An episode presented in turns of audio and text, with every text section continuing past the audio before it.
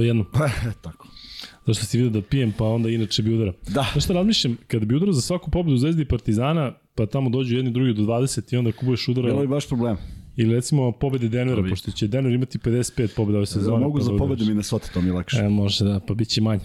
Dobro, došli u 119. izdanje podcasta sa Lukom i sa Kuzmom, gde ćemo naravno pričati o e, utakmici Zvezda Real i utakmici kasnije Makabi Partizan. E, malo ćemo pričati na kraju u NBA-u, pričat ćemo još nekim stvarima usput. Free betovi, imamo tri free beta, svi koji su dobili juče, nemojte se javljati danas, pustite neki drugi da to dobiju. Tako da to je to. Kuzma, desi. Pa evo, bio naporan dan. Sve to je sa nekim obavezama trajalo od jutros. Ovaj, studio je počeo neobično rano. Nije neobično rano, tako počinje u zadnje vreme u 5.10, dakle skoro dva sata ranije.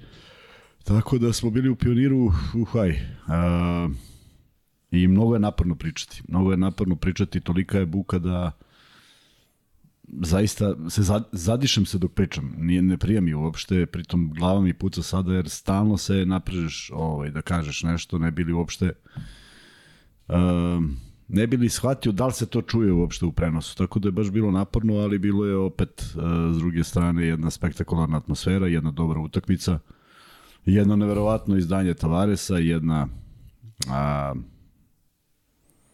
tvrda borba, čvrsta, tako da Da, pa vidjet ćemo, prekrenut ćemo Nije na utakmici sve, ali evo kaže ovde šta izgubi Panata Luka, Crni grobar. Ali Nikola Vasić ima najbolji komentar. mrtvi Fener dobio još mrtvi i pao. Boga mi je Nikola rekao si sve kako treba. Nismo stigli da ogledamo tu utakmicu zašto smo se ovde pripremali, ali e, e, gledat ćemo naravno kasnije. Ko ti to rekao, Nikola? Nikola Vasić. A, Vasić. Ali mrtvi Fener dobio još mrtvi Da, i pao. da, da, da. Da, loši tim, loši igri u ovom trenutku, ali eto, ja prognoziram da će biti promena u Panathinaikosu uskoro. Možda čak i tokom noći ili ujutru, zato što zaista to da Možda loše. čak. Čak Da. da. tokom noći. Moram ja da počnem Možda na- oko tri, oko tri. Tako, polu četiri. Moram ja da počnem na jedan nesvakidašnji način, Ajde. pa ću da povežem sa ovim e, što sve radimo ovde. Ja i Kuzma imamo tu sreću i tu privilegiju da ovde zaista možemo da pričamo šta god hoćemo. I znate naravno da je košarka prioritet, ali nekada zakačimo i neke smešne teme, nekada i neke ozbiljne. Znate šta se dešavalo dole na Kosovu i Metohiji i nekako nas to sve zajedno pogađa. Pokušavamo da budemo što više uključeni u te humanitarne akcije, mnogo nam je drago i to je neki poseban osjećaj kada kada možete da pomognete nekome, a kada kažem mi, mislimo na sve vas i nas koji zajedno učestvujemo u tim nekim akcijama. Ona koji daje, dalje aktualna je ta za Uroša i eto, uskoro e, tog dečka očekuje operacija i želimo mu najiskrenije sve najbolje. Međutim, e, nešto u čemu smo svi zajedno i pokušat ću to da, da, da povežem sa ovom pričom, pod utiskom sam zato što mi se desilo pre sat i 15 minuta. Dakle, završio sam prenos Monaco Olimpijakos i e, vidio da ima vremena do podcasta, odgledao naravno malo još Euroligu usput i uđem u prodavnicu. Uđem u prodavnicu, e, verovatno najpoznatiji lanac e, prodavnica, dakle nije neki mini market, nije e, ništa privatno, nije neki privatnik. I e, rekao, ajde da kupim nešto, da uzmem slatko, u posljednje vreme jedem mnogo slatkog, treba počnem da treniram kad smo već kod toga. I rekao, aj možda mi malo curi nos, ono kiša bila napolje, aj kupim maramice. I odem da kupim maramice i evo, sad ću ti dati ovo, u ovom smo svi zajedno i svi imamo te šokove, daću ti, nemoj, samo nek ostane kadar na meni, evo daću kuzmi. Vidiš koliko košta to sranje. Nije, e, nije mentol, nije ništa posebno, najobičnije pakovanje maramica košta 45 dinara. U tom, u, toliko smo bili svi u, u, u šoku od prodavačice, radnice, do, do ovih ljudi koji su stali u kasi i rekao, gospođo, jeste sigurni da je to tako? Svi doživljavamo te šokove svakodnevno. Ja sam imao pre nekoliko dana kad sam kupovao po teci, prehladila mi se ćerka, pa smo kupovali one najosnovnije stvari i onda gledam oni računi i ne mogu da verujem. I e, neki bes koji se skuplja zbog svih tih e, neverovatnih poskupljenja na koje svi ćutimo je prosto, prosto neverovatan. O, u kom pravcu idem sa ovim? Mislim da, da e, je situacija u, u, trenutno što se nekih stvari tiče, što se nezadovoljstva opšteg tiče, možda i gora, čak i u odnosu neki period kada sam ja odrastao, imao sam tu privilegiju da, da prođem neki 20 država, da živim u četiri I mislim da nigde nije polarizovano društvo kao što je kod nas, gde se delimo na sve moguće načine koji postoje i ne postoje. Koliko god u Americi izgledalo da tamo postoji taj neki e, ta neka rasistička razlika, odnosno da jednostavno jedni drugi gledaju drugačije, ima naravno. Ja sam živao i sa jednima i sa drugima i to postoji, ali, ali mislim da samo kod nas se delimo na sve moguće načine. Neki imaju smisla uh, iz prošlosti, religijski, istorijski, ali ovi neki zaista nemaju smisla trenutni. I zato zbog svega ovoga što se dešava oko nas, dajte ljudi da barem u ovome budemo zajedno jedinstveni. I ono što je jedan momak onako sastavio i napisao, da volimo svoje, a da poštujemo tuđe. Ne moramo čak ni da poštujemo, ali ajde da ne mrzimo. Zato što kažem, vidim da e, oko sebe osjećam kod drugara, kod svih ljudi, osjećam baš veliki, veliki bes, gnev zbog toga što su nemoćni da se sa nekim stvarima izbore, znamo šta se dešava dolje na Kosovu, kažem, ovo, ovo sam dao samo primer kao ta non stop oskupljenja, gde mi kaže drugar da ide četiri dana za redom i četiri dana za redom vidi drugačije cene i kao što on kaže, brate, više nikad neću kupiti ništa što nije na popustu I još mi on isto kaže još jednu stvar, kaže, e, jede mi se jedan keks, u situaciji sam da ne jedem taj keks, nego da uzmem neki koji je jeftiniji, dakle, čak mi ono diriguju koji ću keks da uzmem.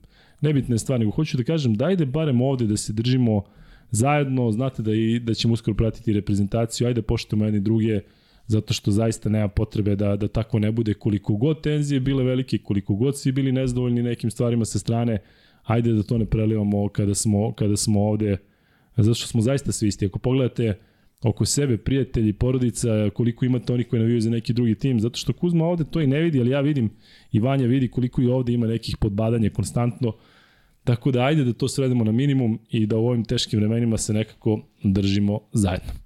Eto, Kuzma, ja sam rekao. Nemo ja da... samo da ti pojasnim, da ti kažem ovaj. Uzeo si maromice sa almond oilom, aloe verom.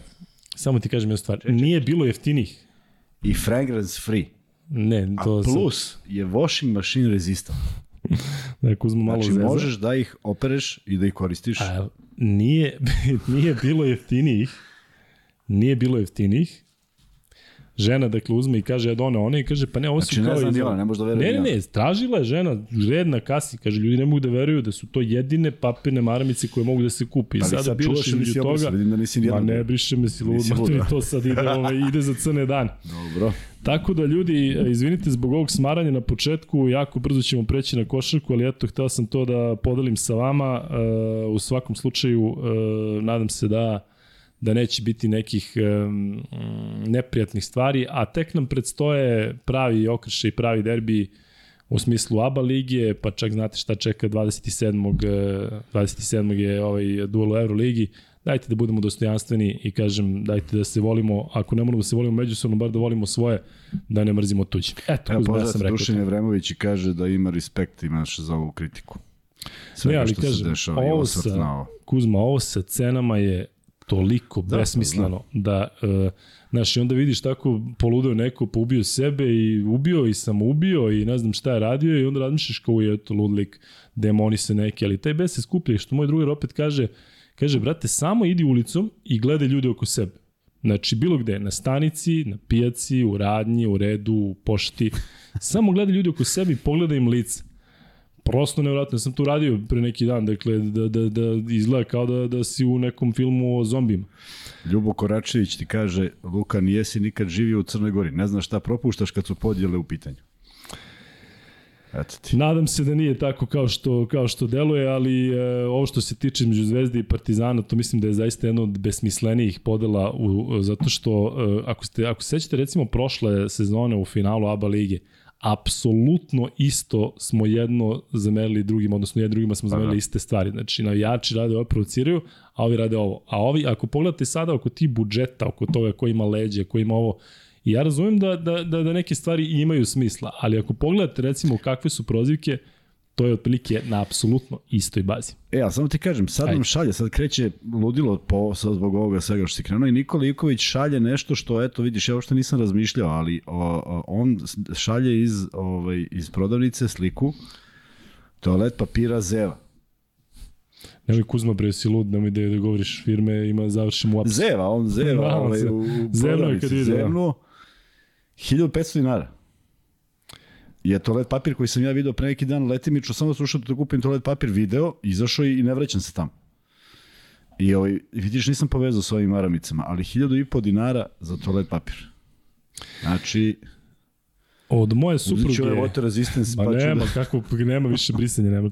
Ali moja, od moje supruge tetka, kada dođe tako, pa onda vidi cenu koja je drugačija od, od prethodnog dana, on opsuje toliko da odjekne ceo maksimum, misli, ja, vidi luda žena. Jednostavno, žena ne može da se suzdrži. Tako da, ovaj, eto, ima pozdrav iz Gotovuše, vidim da ima puno pozdrava i hvala što ovaj, ste otprilike e, pozitivno draguli na sve ovo. Kuzmo, blokirat će nas. Aj, evo, šta, rekli smo sinoć da nas već kradu. Kradu, li, baš, sad Da. nek ide život, ne kradu. Da. A kaže Aleksandar Kuzmanović, a da dodamo na Crnu Goru, ni u BiH ništa nije bolje po pitanju podjela. Ovde nije na dve strane, nego na tri. Eto. Otvorio si Pandorinu kutiju. Da, pa dobro, mislim generalno na ovo naše, naše društvo, kada kažem na nas, da. mislim na nas sve u regionu, tako da ajte ljudi da, da barim koristimo ovaj period i da, da uživamo u međusobnom, međusobnom druženju, koliko god to bilo teško. Ko, ko spamuje? Luka isprati 5 sekundi do kraja kako sudija Garcia... To, a? E, Luka ispriče Kuzmi onu trojku Mekisika. Da, prenosio sam uh, Monako Olimpijakos i čovjek gazi liniju na tri, za tri pojena. Toliko očigledno da ne možeš da veruješ. Nikom ništa. Aleksand... Ma nikom ništa. Aleksandar Denić nam je uplatio novac na Patreon i rekao da ne brinemo za maramice. da, sad kapiram da će da, da, da krene ta neka priča. Ovaj, evo ovde zezio šl- slaće marmice. E, I kažem ti Kuzma, dakle čovjek gazi liniju za tri poena, E, si probao nekad ovako, gle? Ti si dalje na maravicama, baš te ne. Pa ne, oni rad. Puć, Ne, pa uvijek da. mi je bilo interesantno futboleri, kako, znaš, Ka, izleti odmah, znaš, samo ćao. da, da malo uđeš u futbolski Da, for. da, da. I onda kad vidim da se valja onako po toj istoj travi, to mi je bilo interesantno. Kuzma, 1746 ljudi u live. E, ljutih Delija, Hoćemo da stavljamo onaj pol? Hajde. nećemo, nećemo, nećemo. Ajde, ajde, ajde objasni zašto. E, ne mogu setim. Baš sam zbog ovih, baš zbog ovoga da se ne delimo. Da, evo, da, i Luka je sad počeo ovu priču, a jedna fina, ovaj, fin, ja sad ne mogu setim ko neka mi izvini, a i može da se javi ako, ovaj, Baš, baš je ovaj dobro krenuo taj dan, to je današnji dan i on je rekao izbacite taj pol, zaista ne moramo da se delimo jer se po svemu delimo. I evo sad Lika, Luka se nadovezuje na tu priču i priča o nečem drugom, ali u suštini svodi se na isto i eto, ne moramo da imamo taj pol koliko koga ima, nama je drago da ste svi tu. Uh, 1700 ja želim da verujem ljudi koji vole ovo što mi pričamo i učestvuju zajedno sa nama, jer to je ceo smisao.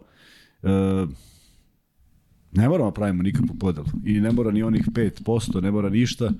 Jednostavno možemo da uživamo u nekoj dobroj priči, a juče je bilo nešto posebno. Ja ne pamtim da je bio podcast takav da je toliko novih ljudi prišlo, poslalo poruke, pokušam da odgovorim na sve moguće što je stiglo, ali što kaže ovaj jedan juče, kad nas je bilo 200 do 400, moglo je da se čita ko je odakle, kaže, sad ne može. Tako Jeste, da sad jeste, je, jeste. sad je Koliko teško. god ja probao da. imao dobru volju, Sad je nemoguće. teško odgovoriti na sve poruke, tako da ovaj, Jeste. neka niko ne zameri ako, ako nekada ne odgovara. Sad evo ovde ovaj, izazuju se Free Luka i e, kaže Dušan, Dušan Dalović kaže Luka dobit ćeš zabranu Euroligi dva meseca da kupiš maramice.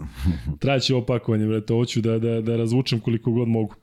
E, blizu 2000 ljudi u live-u, ajde da idemo onim ritmom kojim smo išli prethodnih dana, da dođemo do 500 lajkova i odmah ide prvi free bet, dakle imamo još jedno da podsjetim svako veče po tri free beta, radimo sutra otprilike oko 23 sata, ja prenosim meč od oko 20.30, Partizan završava oko 22, tako da računajte 23 kao i danas, u četvrtak Vanček, šta smo rekli? E, Kuzma, mogli bi i ranije, ti radiš Zvezdu, Zvezda je u 7 protiv mm -hmm. Monaka, e, pa recimo možda 10 i 15, pola 11, nema šta Ja da se sam održiš danas studiju. stigao, da, mogu sam da stignem pravo, Tako nego, nego tako nismo znali šta će se dešavati. Da. E, tako da, eto, a onda u petak posle 99 yardi onaj, e, kako se zvao onaj na te koša, onaj Nole. Znaš, on je bio onaj e, er, Erotoman, e, Nole Erotoman od Ne baš. 1, 1 i 15. E, tako da, mm, to je otprilike to za taj uvod. Kuzma, znaš šta me zanima? Šta? E, Zvezda je izgubila 20 razlike. Jest. I ja mislim da ovde nema onih koji e, nisu gledali meč ili bar pročitali e, bilo šta. Možda ima ovih nekih devojaka koje sa muževima i, i momcima prate pa ne znaju. Kako bi ti e, nekome ko apsolutno nije gledao utakmicu objasnio šta se tu desilo. Dakle, sad neko vidi rezultat 59-79 i kaže, brate, ubije. I kaže, da. ubiš ih. Pa, valjda bi rekao, znaš, nije, nije, nije tako, desilo se u četiri četvrtini, potpuni pad, jedna, jedna užasno dobra odbrana Reala, jedan nedostatak svežine, nedostatak, ako ćemo tako, i kreativnosti. Sve se svelo na, na neku kreaciju, s obzirom da su svi putevi bili zatvoreni. Svesno, svesno su otvoreni do Tavaresa, što znači da su poprilično zatvoreni. E, pokušavali su svi, pokušavali su najhrabriji, nije to baš išlo i faktički od 47-42 preko 49-49 došlo se na minus 15 vrlo brzo i tu je već pokazati, bilo jasno šta će se desiti, ali e, bez obzira na taj rezultat, ja ne mislim da da imaju razloga ne, ne za nezadovoljstvo. Naravno, sad imaš utakmicu kada izgubiš, moraš da prosto popraviš neke stvari. Ali ima onaj segment koji ja uvek volim da kažem, evo, imamo tu i, i e, gledalce neka kažu da li su da li je neko podbacio u smislu energije, da li neko nije hteo, da li je neko e, ne kvalitetom, nego da li se videlo da neko ne želi. Meni se ne čini da je tako bilo, mislim da su svi dali apsolutno ono što mogu. Koliko je to, to je za diskusiju. Ja se slažem i vi znate koliko ja volim da Lazić bude na parketu, ali on kad uđe na koš, to je zaista ispadne prilično traumatično za sve i gledalce za njega. Izgubio je tu neku Ima, im, ja mislim da ima veliki strah kad kreće na ulaz. Trojke kad šutne, to je u redu, dvojku kad šutne, to je u redu, ali kad krene na ulaz, ja mislim da jedino što želi da se nešto desi, samo da, samo da ne mora da izbaci, što je na neki način u celoj toj priči sam sebe doveo do toga da, da, da to bude neki preveliki problem. Uh, ne mogu da zamerim ništa neverovatno Markoviću, bez obzira što je promašio neke šutove, baš, bar, bar, se, bar se udostojio da, da uzme takav šut kao najiskusniji, lopta nije ušla, ali on je u jednom trenutku imao 5 poena, 7 skokova, ne, 4 skoka i 7 asistencije. I onda je skinuo još dve lopte, tako da je on sa nekim poprilično lepim učinkom završio utakmicu i nemam šta da mu zamerim. Jednostavno to je to je to što on može. Problem je nastao tu kada nemaš Bentila. Nemaš Bentila u ekipi koja sad zavisi od trećeg igrača koji će donese poene. Jel znamo šta je s Bentilom? 39 temperatura mu je bila danas i prosto nije mogao da igra. I to već u startu imaš otežavajuću okolnost. A igraš protiv prilično snažne ekipe pod košem. Ne verujem da bi Bentil nešto tu promenio, sad bi on baš Tavaresa izbacio. Da, pričali smo juče uopšte da li kako doprinosi, ali neko prisustvom... Prisustvo, pa negde na širina znači. u igri, pa ti vratiš. Ovako imaš problem, Mitrović, ja ne pamtim kad Mitrović nije dao koš. A u suštini sada kad gledaš trezveno i kažeš, a na koji način, kako to Mitrović, on ne može da izvuče Tavaresa. I ako ga izvuče, nema šut sa duge dvojke. Tavares i kad skoči, dva put je skočio Kuzmiću, toliko je daleko bio, a bio je blizu blokade šuta. Da uleti ispod koša, pokušali su da ulete mnogi, pa su i izleteli. Tako da je Tavares vrlo to sve lepo kontrolisao i ono što smo i apostrofirali od njega na početku studija je da, je, da od njega zavisi mnogo šta. A što smo njega videli u tom nekom najboljem izdanju. Ja, da, da bi sad neko kaže da vratim film Musinih 19 pojena, ja ne bi znao odakle bi ih izvukao. Ali to je tako dobro izgledalo. Dakle, vrlo neprimetno je dečko odigrao bez jedne trunke nekih egzibicija, bez trunke nekog uh, ni podoštavanja protivnika, jer mislim da su se dobro oznojili da bi došli do ove pobede. I u ostalom, treba razumeti da je uh, Tavares igrao treću i skoro 5-6 minuta četvrte četvrtine, što znači da je njima bilo stalo do pobede i videli su da je ipak to ključ utakmice. E, Nedović je bio odličan, otvorio utakmicu fantastično i oni prodori su bili lepi, onda izgubiš malo i fokus i shvatiš da te jure i samo tebe jure i u jednom trenutku je cela odbrana bila fokusirana na njega, nije lako proći, gubio je lopte jer u najboljoj nameri. E, Doćemo do pojedinačnog da, igrača, ovako, da, pričamo ali... više onako o nekim stvarima Da. koje su se desile, ali jedna velika energija na početku treće četvrtine i sigurno da Real u tom trenutku nije izgledao baš ovaj, lagodno, a onda pogledaš i shvatiš da Ljulj nije upisao ni jedan poen kao i ovaj Kozer. Ej, čoveč, u ovoj ekipi samo oni nisu dali poen. Znači još je tu bilo potencijala što se njih tiče. Međutim, celokupan utisak eh, prvog polovremena naročito je da je Zvezda igrala odlično odbranu. Nije tu bilo preterano mnogo promašenih zicara, za razliku od zvezdinih promašenih zicara kojih je bilo.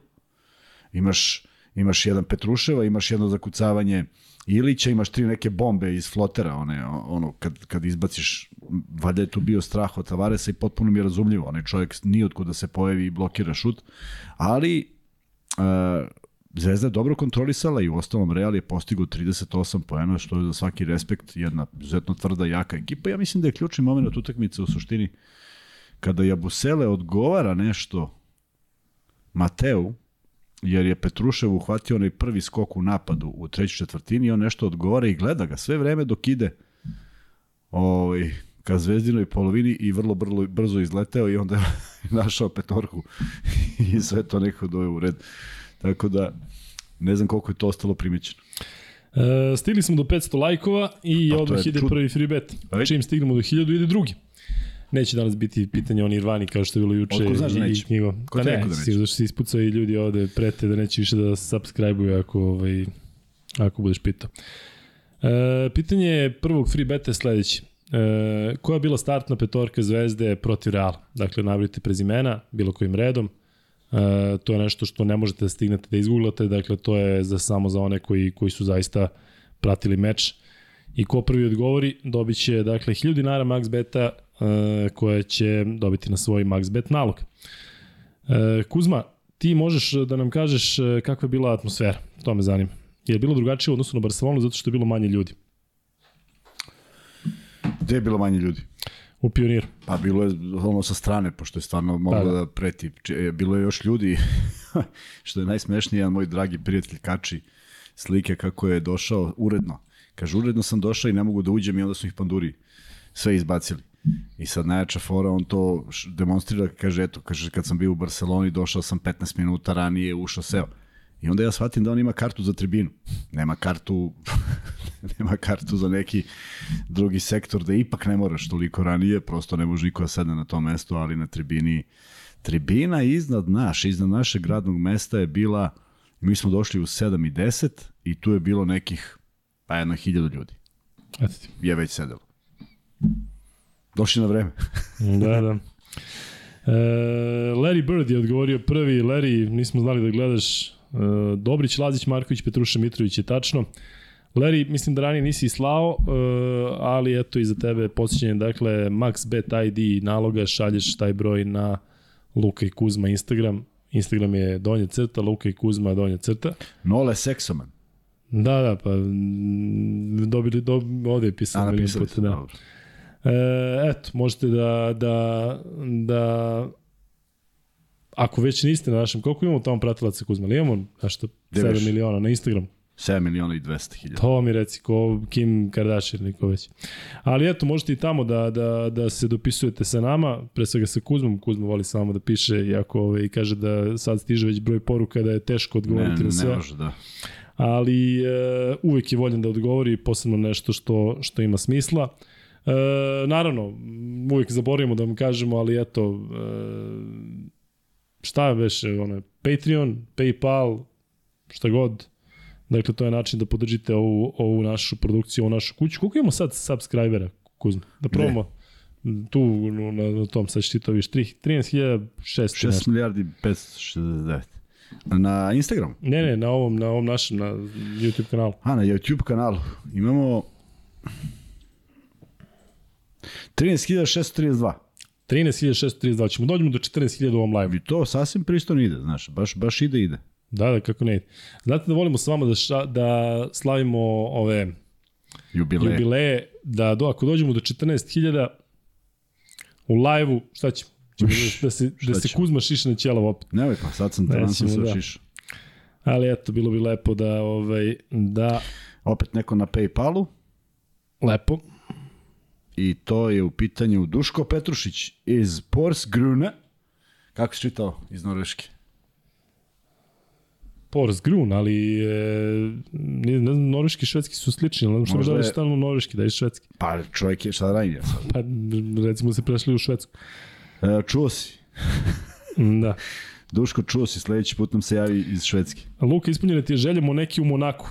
U, ovaj mali e, je danas odigrao Jeste, to mi fenomenalno. je poslao neko da ti pošaljem, ali nisam stigao. Da, da, da. Ne, ne, ne Moneke, nego je ovaj mali drugi. razvalio, što je igrao, pao s neba, mali igrao tri godine u Šaleu i sad došao u Monako i držao ga Obradović 20 i nešto minuta na parketu. Znaš kako mali vratio? Ne može da drži. Ne mogu. Duše 22 godine. E, tako da, mm, da vam je to otprilike to za ovu stvar. Ili Kuzma imaš nešto ili da krenemo, dakle konkretno, nećemo da krenemo nešto sa igračima, hoću da mi kažeš, e, ne znam da si čuo Ivanoviću u konferenciji, on je zaista rekao isto što i ti, da nema šta da zameri igračima, Nema, da. da jednostavno nema kritike. Nisam gledao, nemamo, mi ne gledamo to, ovaj, ne, ne stignemo da gledamo. Nemamo. Ali je rekao, eto, to je Pa da. rekao.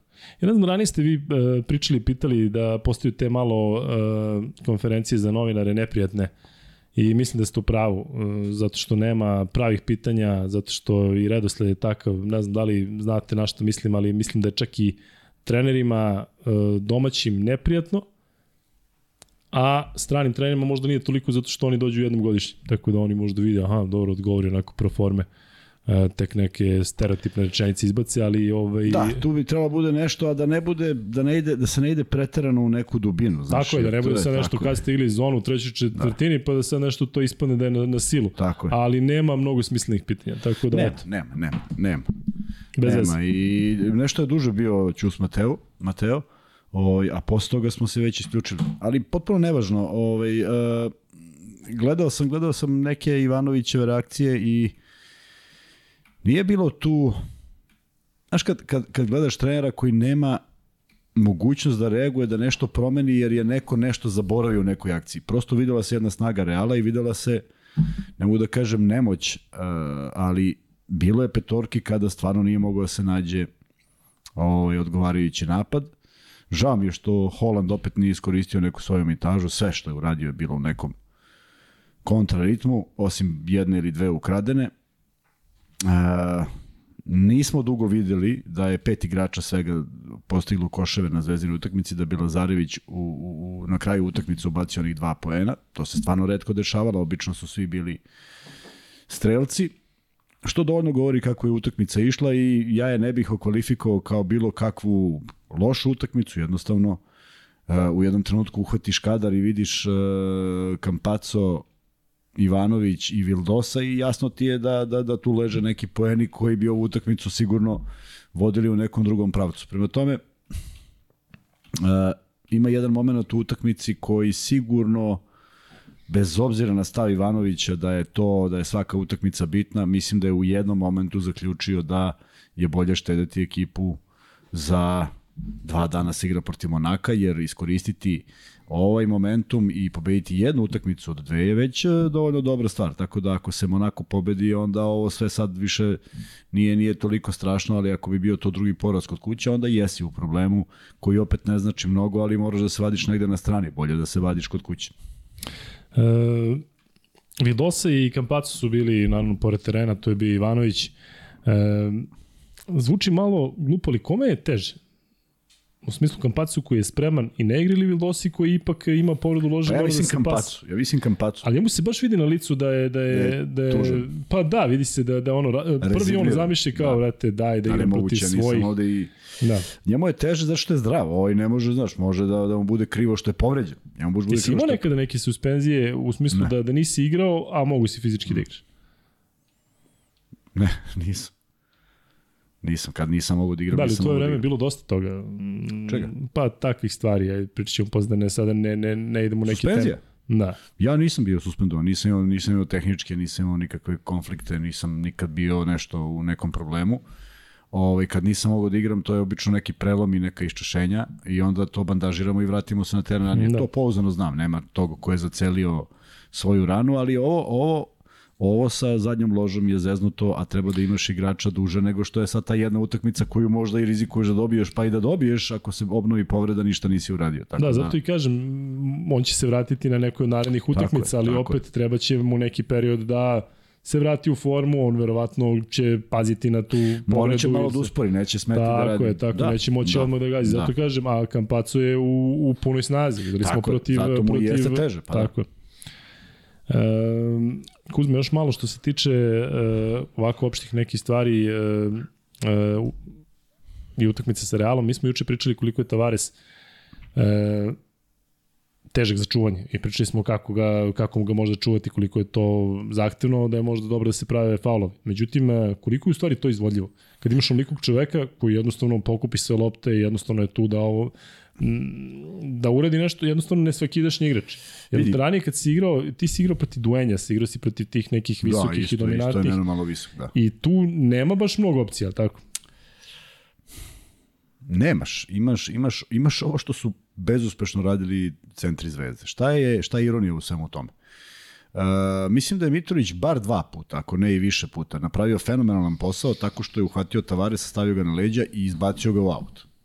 Ironija je u tome da se lopta odbije tačno iznad njih dvojica. Ona da se odbije bilo gde, Tavares ne može da je dohvati, ali ona se odbija njemu u ruke i ovaj uspeva da je uhvati. Posao koji je odradio Luka u tom trenutku je jedini koji može. Ne može da ga gradi i da skoči više od njega, ne može niko da skoči više od njega, ali prosto neki su mu lopte upadale u ruke, iako je određen sav posao za koji će ti trener reći da si uradio dobru stvar.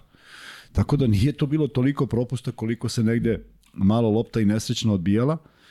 A, opet su faulovi bili na vreme. Sjeti se onog Markovića kad shvata da ne može da lopte pa obara Tavaresa.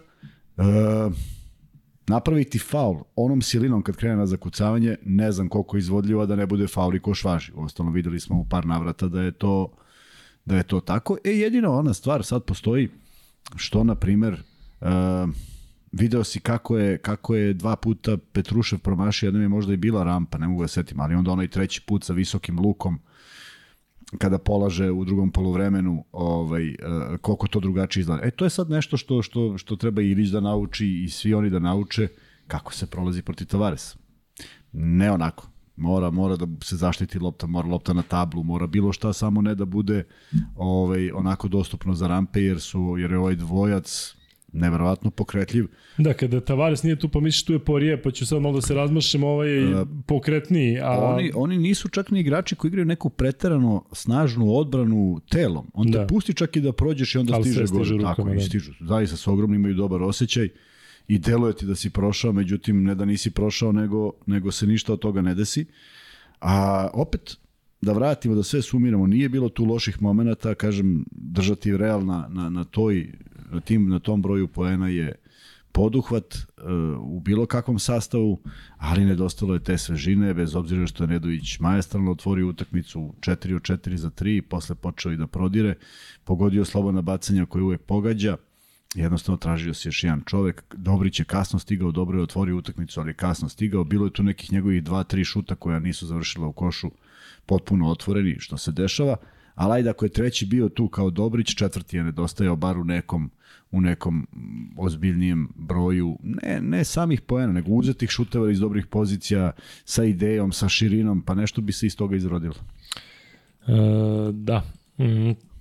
Ova bekovska linija Zvezde bez uh, ova tri bitne igrača deluje deluje prilično ograničeno. Nedović je danas e, forsirao i njegov u jednom trenutku išao šut, u nekom trenutku se umorio i to je da, stalo. Može, da. E, koliko Nedović zaista sam može da vuče ekipu? Mm. A posebno protiv ovakvih uh, ultra mega giga timova kao što su Madridski da. Vidi, ovakva utakmica sa nekim drugim centarskim parom ispod koša možda bi bilo kudi kama bolje. Ne, Nedović imao nekoliko puta otvoren put prema čemu?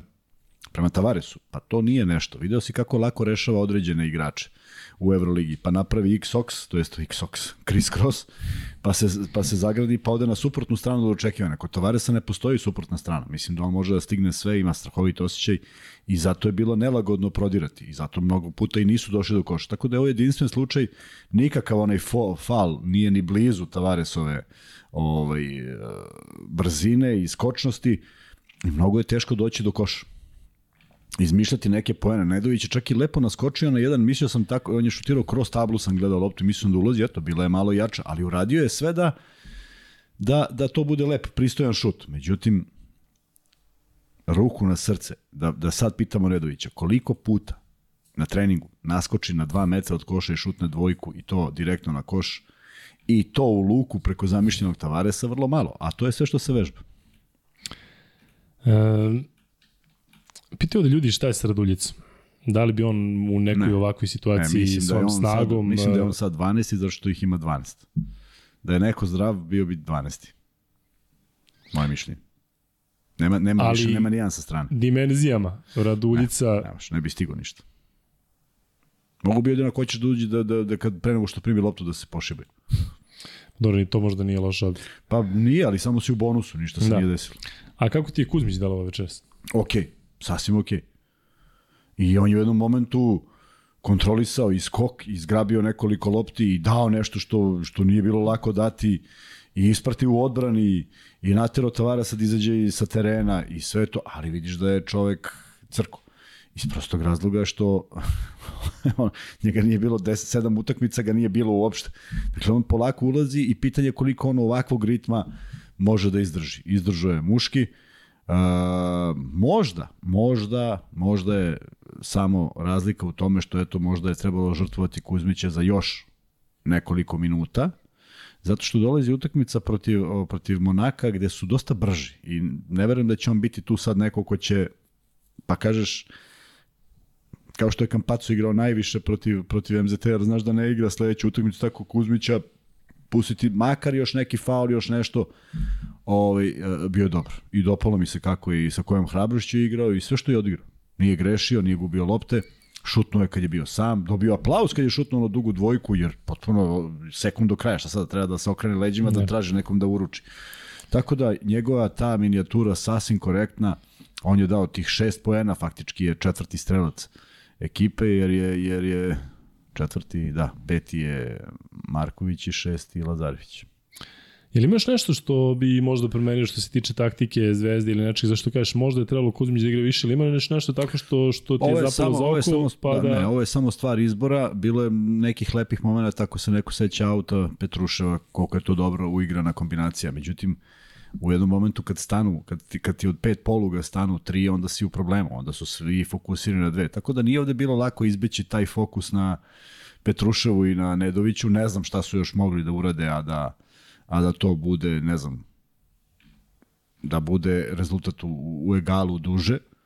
A, volao bih samo da znam. Zaista me zanima, zanima me kao, kao bivšeg igrača e, u kom, za koji segment misli da je Ivanović da je, da je bilo posustojanje u odbrani. U smislu, samo da ne mogu da vratim film na koji to deo, jer ako je protiv Tavaresa, moje mišljenje je da nisu prestali da igraju. Da, prosto u tom trenutku ta visina i ta kompozicija petorke nije imala drugo rešenje. Pa ja mislim da su oni stalno gradili.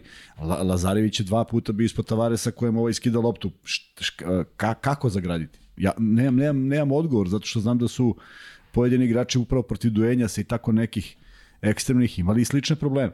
Iako su možda bolje gradili i bili snažniji, ali prosto imaš problem. Jer on je mnogo visok i mnogo pokretan. I nema takvih. Matija Milović je donirao, Matija hvala ti puno, uskoro ćemo preći na taj segment e, kada možete da postavljate pitanja, pa ćemo tek onda pojedinačno da komentarišemo igrače. Ali Kuzma, ono što sam ja primetio, to je da je Zvezda prvi put onako ozbiljno pala.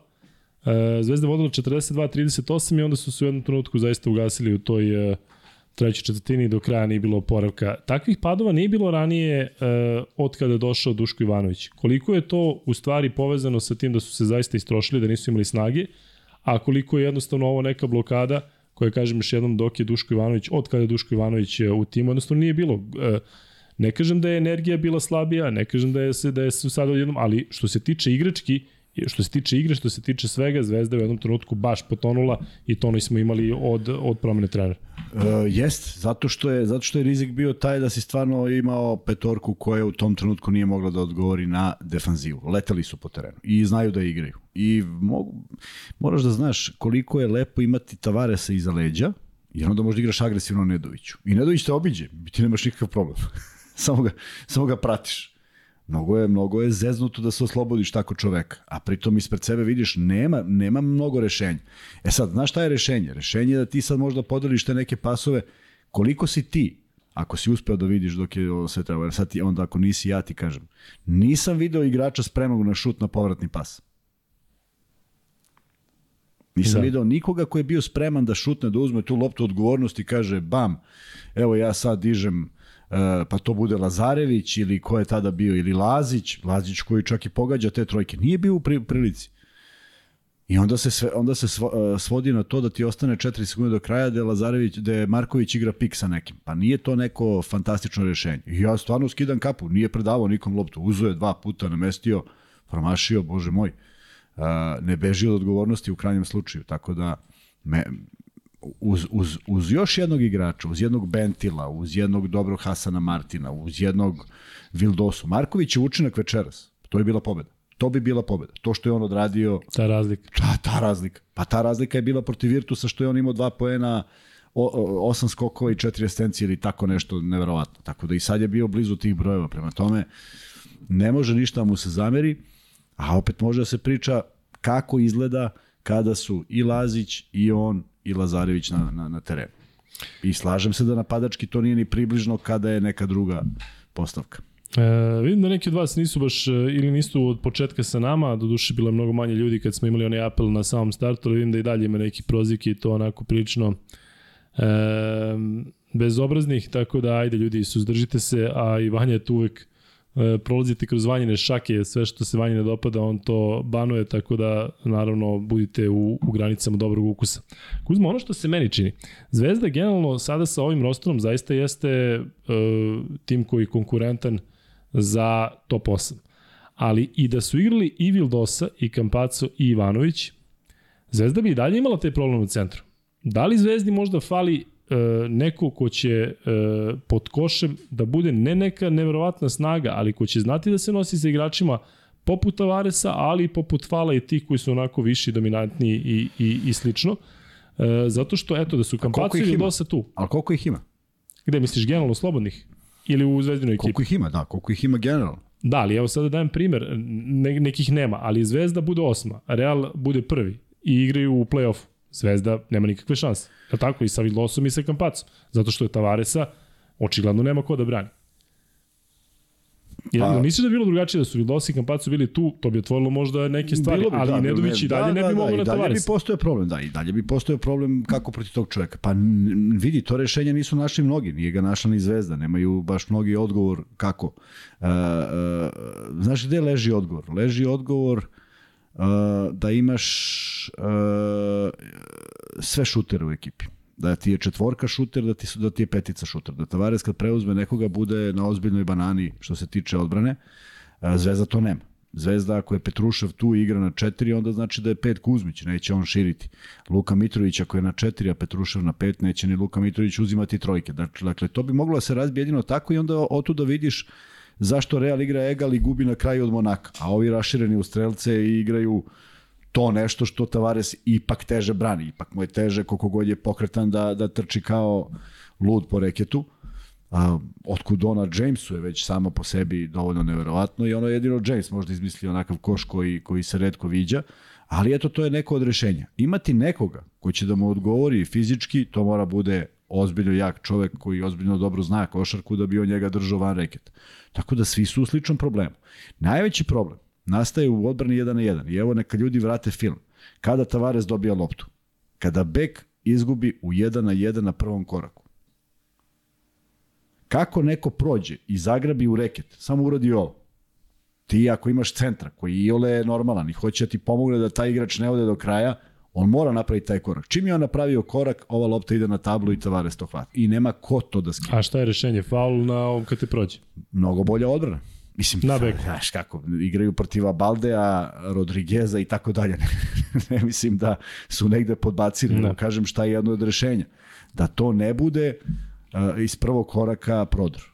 Nam da nije lako i znam da ja sad pričam nešto u teoriji što treba sprovesti na parketu i naravno i ja kao i ovi igrači nisam volao da sedi neki tamo negde na nekom podcastu i priča kako treba, ali to je rešenje. Ne, e, ono što u stvari hoću da kažem, to je da mi se čini da, da je Zvezdina bekovska linija neuporedivo jača u odnosu na centarsku liniju i sad to nema veze sa Realom. Sa, imaš sa tri, Kampacom u igri, da. Kampacu, Vildosa, yes. Kampacu, Vildosa i uh, Nedović, yes. plus iza Marković, Lazić, Ivanović. Yes. Dakle, to je zaista strašno. Ti ovde imaš uh, Luku Mitrovića koji stalno pričamo nije možda prava petica, koliko god se dobro snalazi u nekim mečima sa tim. Imaš Petruševa koji je opet bio eksperiment, koji je jako dobro prošao i koji je eksplodirao. Imaš Ilića koji je Nesiguran je imaš Raduljicu koji je, koji je sam kažeš neupotrebljiv. Kuzmić same znamo da nema da ne može da odigra mnogo minuta, je tako? I Ne njega ne tako treba je, očekivati. Tako je. E, Čini mi se da sličan taj disbalans postoji kod Partizana gde praktično imaš na tim pozicijama 2, 3, pa čak i 4, imaš mnogo igrača koji jednostavno jedno čekaju šut. Dakle, tamo može svako da šutne i svako može da šutne po 10 trojki i da, da nikoga ne boli glava. A ono o čemu smo pričali puno, delo da fale možda igrači na pozicijama 1 ili 5. Ali dobro, e, Kuzma, ajde sada malo da odgovorimo na pitanja. Vi možete da postavljate sada pitanja pre nego što e, krenemo konkretno na, na igrače. Mm, ili ima tu nešto Kuzma što je interesantno? Ima svašta zagledao? interesantno. Šla- Šalju Gudurićevu trojku, izgleda da je bio i on u autu. Da, ovde nam svašta pričate, da. nismo videli taj meč Panathinaikos Fenerbahče, nismo uspeli da vidimo zato što već je traje produžetak kada smo i počeli ovde.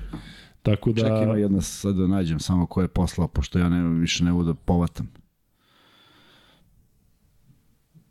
Ali ovaj, ima, ima svašta se tu nešto dešava. Da kažem, ovde sam zaboravio Hasana Martina, mada i on nije Pa neko ko može tu ne, da... nije, znam sad baš radi. Milan, Milan piše i kaže da li bi Hasan Martin mogao da uradi protiv Tavaresa. Pa isto bi mogao da uradi što i ovaj uh, Lazarević. Da. Inače, Oliver Stojanovski kaže da smo ulepšali zadnjih 118 jutara u Gold Coast, Australiji. Šta smo radili? Ulepšali. I što smo Divno. spomenuli njegovo Kumanovo juče. Sjajno. Običali smo da idemo Kumanovo, tako da čekajte nas, stižemo u 2023. još ne znamo kada. E, čekaj samo ja da pošaljem ovo. Ajde. O, ovo imamo, nemam ništa drugo, samo da im da li sam da, da prebacim vanji, pa možda on može da ovaj da pogledamo svi zajedno. Andrej Kajmaković insistira na tome da se isprati poslednjih 5 sekundi i do kraja kako sudija Garcia ne svira čist falon ponitkom i ode se u produžetke, poslao sam na Instagram, je li tako? Poslati na Instagram. Ko je, ko je poslao? To Andrej pa, Kajmaković. Andrej Kajmaković. Da, ovde, ovde ste komentarisali tu si ti isto rekao da na Instagramu prego što smo počeli neko komentarisao taj faul nad ponitkom. O, majko mu, E, čekaj ne čudi me to za sudije, zaista su bile loše u svim mečima e, Andrej. koje smo prenosili, A, evo ga. ali baš, baš loše. A, ima i snimak, a? Da, da, jel ima? Čekaj, ovde ima loša reakcija igrača Panathinaikosa i trojka Gudurića, a ima i snimak, aha, ima i snimak, aj sad ćemo da vidimo da li može da se ovaj... Evo, ja ću pošaljem vani pa da vidim. Jel smemo to Vančik da puštamo? a? Ne smemo, eno, Vančik odmaš, odmahuje Maše glavom, glavom. nema toga ništa. Ništa, Samo, samo nam fali da nam još Ev- Evroliga još da nas, da nas blokira. Bez obzira što snijemo televizor. Ma, nema, nema trik. E, eto. E, pa ništa onda, izvinjamo se. Gledat ćemo pa ćemo da komentarišemo. Aha, oni da ne vide, a mi da vidimo ovde, a oni da ne vide. Vidiš, on može da to što ti imaš tu da pusti ovde, vidimo ja i ti, ali da ne A, vidi ajde, ajde, makar tako, čekaj, ajde, makar Sad ćemo tako. ja i Kuzma da vidimo ono što vi nećete videti, pošto nismo stigli da Pa ispratimo kraj bilo. meča Fenerbahče Panathinaikos. 702 lajka, rekli smo kada stignemo do 1000 lajkova, odmah ide drugi free bet. Ajde, pusti onda ovaj snimčić što smo stavili pa da pogledamo Luka i ja o čemu se radi. Kako ćemo sad da izgledamo smešno ljudima, dakle ništa se ne čuje i ti gledamo snimak da, ne bude da i snima. kao, haha, vidio. Da. A, ajde da pričamo sada kada smo tu, samo da se vratimo na nekih par bizarnih momenta. Ne, ovo je slika da je Gudura, pa sad, znaš, da, ne vidimo da li je podignute pet. ma mislim, da li je podignut. Ovaj, deluje kao da je na liniji, a opet ne vidimo odavde. Neko je napisao da je Meki, da Mekisik nije gazio liniju za 3 poena. Ljudi, ja sam ubeđen da jeste, zato što su bilo dva kadra, onaj prvi glavni, dakle živi, i bio je onaj drugi ispod koša tokom uspravnog snimka. Ne znam da li ste mogli vidite treći, ali ako imate uh, sliku, frame, ovaj kako Mekisik ne, ne, gazi, ne gazi liniju, ne gazi, Ne gazi. E, ne gazi liniju, vi samo to pošaljite, molim vas, da vidimo ja i Kuzma ovde, zašto sam ja ubeđen 100%, ne 99%, nego 100% da je tako. Vanček, imaš taj drugi snimak, jel? Mora sa Vanček to nešto da preradi. Samo da utiša. Da. Da. Elem, da se vratim na par bizarnih momenta sudijskih. E, ajde, malo o sudijama, zato što ljudi ovde to... Onaj kontakt. Opa, Da, sami mi čujemo. samo mi tako. čujemo, dobro. Mi sad čujemo svašta. Ajde onda pogledamo. Znaš kakav je Vanček maher je, ti mu, oni pošlju tebi, ti pošlješ njemu, mi gledamo ovde, Da. ovaj ne vidi to ovaj u pošalje. 7 sekundi. Op, vidio, vidio. Evo smo. Malo još može da ga smanjiš. Op. Jel ovo 8 sekundi? Da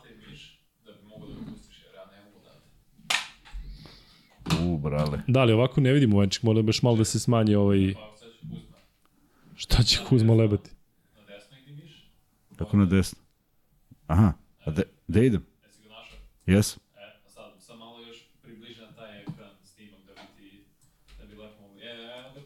E, bravo, e, odlično. Da, carski. E, dobro. Ja vidim se da play. Gde je play?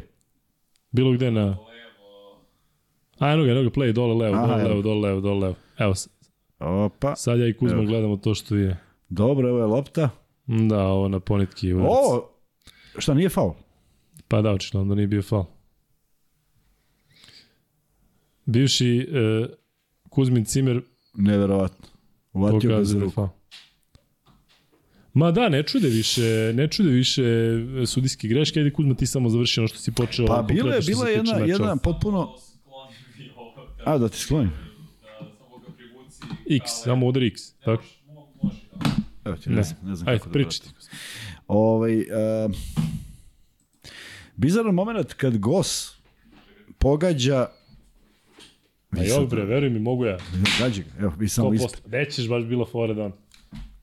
Kad Gos pogađa laktom direktno u bradu, ne mislim da je bilo kakva namera, da se razumemo. Uopšte ne mislim da je on sad tu nešto gađao, ali taj lakat je malo više i pogađa Nedovića u branu, bradu, on ode na prodor i koš. I onda pogledaju snimak. to ovo objasnite Lakatu Nedoviću u facu i Jest. odluku sudije na to? Da, Dobro, i, jedno i, i pitanje. šta da objasnimo, zato što se onda sudija pokazuje ovako, donosi odluku i pokazuje op i čujem publiku koja pozitivno reaguje, u stvari, u stvari pokazuje da je lopta za zvezdu, ništa se nije promenilo, nisu promenili odluku, nije faul, ovo je ležao dole, otprilike kao što si ležao i, i, i I to naravno da, da, da, da nekako, kako bi ti rekao, pogledaš sa- više uglova tu, tu situaciju, vidiš da je direktan pogodak nenameran. Ne mislim da je hteo da ga udari, ali prosto ga je zakačio ovaj pao i samim tim odustao od odbrane a, ne, znam, ne znam kako doneti ovaj odluku. I onda jedna fantastična stvar, ima onaj moment ako znaš Nedović uh, shvata da će biti fauliran na 8 metara od koša i hvata korak, dobija faul, šutira i nema trojka. A je Busele. A onda Jabusele pravi dva koraka. I u svemu tome javlja se moj drug koji je inače sudija i kojeg ja gotivim onako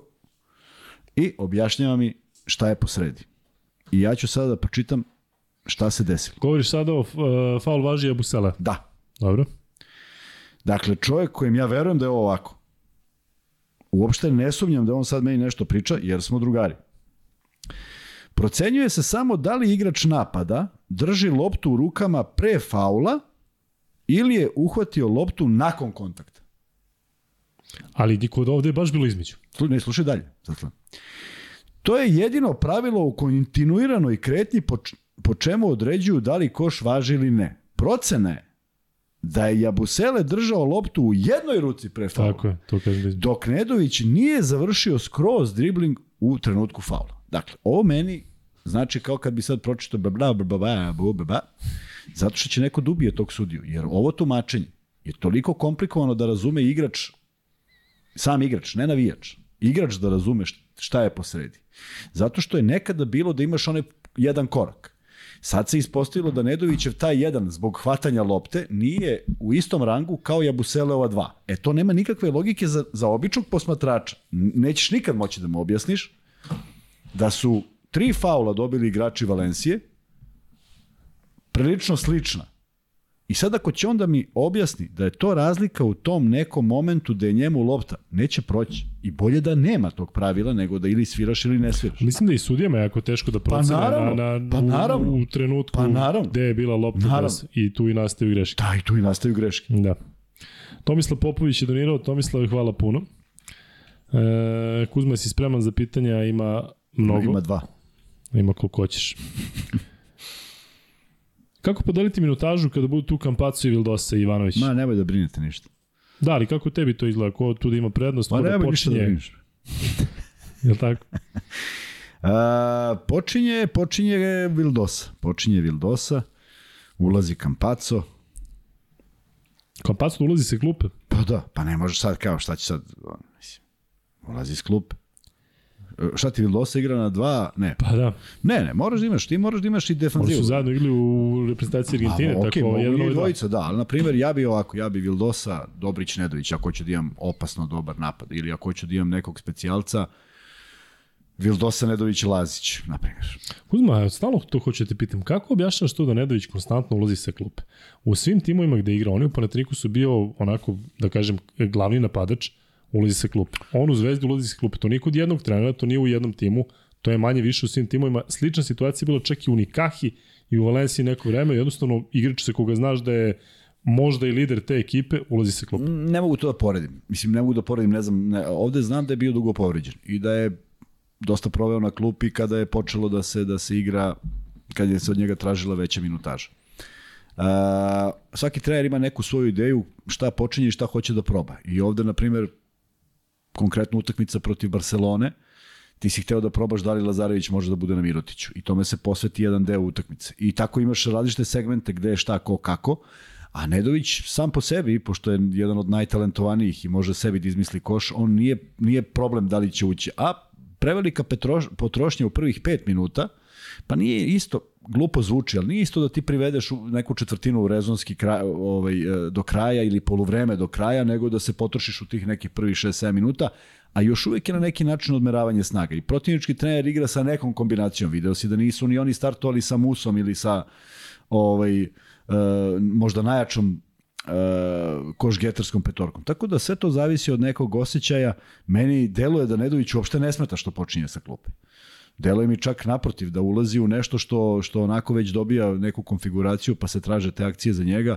Tako da to ne predstavlja problem. Pre, onome kome predstavlja, taj bi mogao i javno da iznese, mada ne znam da li bi neko Ivanović mogao baš javno da iznese šta mu je problem.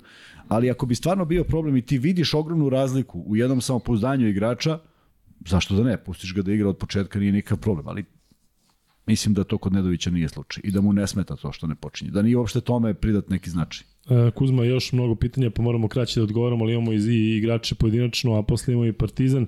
E, nije povezano direktno sa Realom, ali šta kažete za Topića i OKK, a pitali su i za onu odluku da Potpuno se odbije ludilo, da. žalba Valencije. Potpuno ludilo.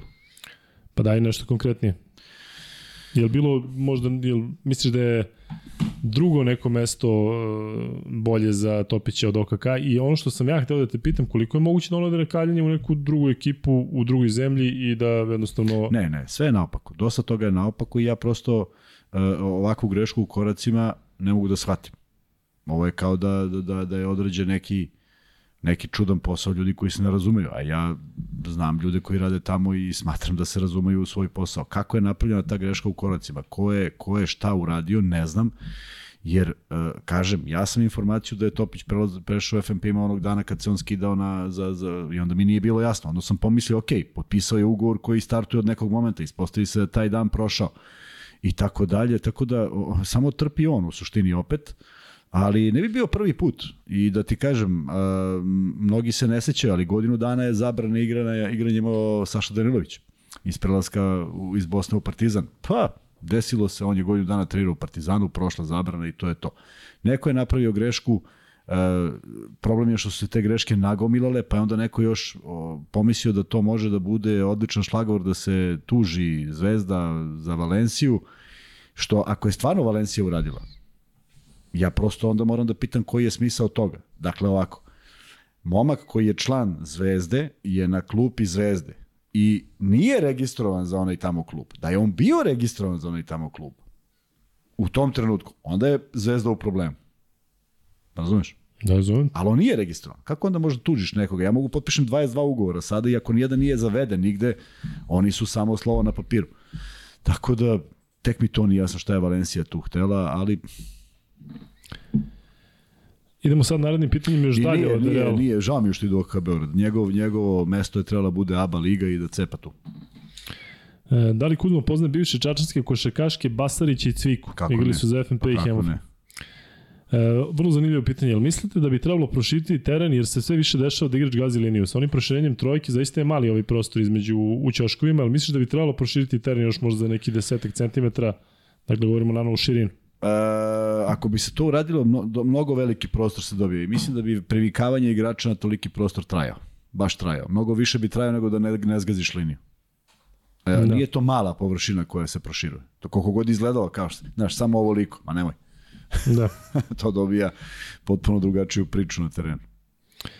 E, može komentar Kuzme za suđenje danas i suđenje uopšteno za sve ove sezone u Euroligi, toliko nevjerovatnih i amaterskih grešaka prave, ali stvarno je e, suđenje u Euroligi sve gori gore. E, Fibine sudije Tako znamo da su Pričali smo o njima, a uvek smo štitili Da. ove i smatrali da jeste i bilo je tu grešaka. Ali ja da sam ovoliko pričao o sudijama, u prethodnih osam godina koliko radim Euroligu nisam. Čak sam izbegavao, zato što znam da su to ljudi koji mogu da pogreše. Pa ti... Čim je uveden ovaj snimak? Pa to je veliki problem za njih. Ogroman problem za njih. Da. Prvo, čim je uveden snimak, a ti nisi video, već si u problemu što nisi video. Pa što, što, što vas ima trojica? Dajmo da samo jedan snimak, da gledamo i da, da ga vrtimo. Tako da, ne znam koliko dobijaju, a mislim da gubaju kredibilitet sa ovim varom. Zamisli da nema tog snimanja i on je doneo odluku i mi šta? Sad, gde gledamo? Gledaš u neki semafor, ma gledaš malo sutra, on doneo odluku i utakmica se nastavlja. Ovako su podložni ovaj, ozbiljnim kritikama, a onda nas još ubede da to što smo videli nije to.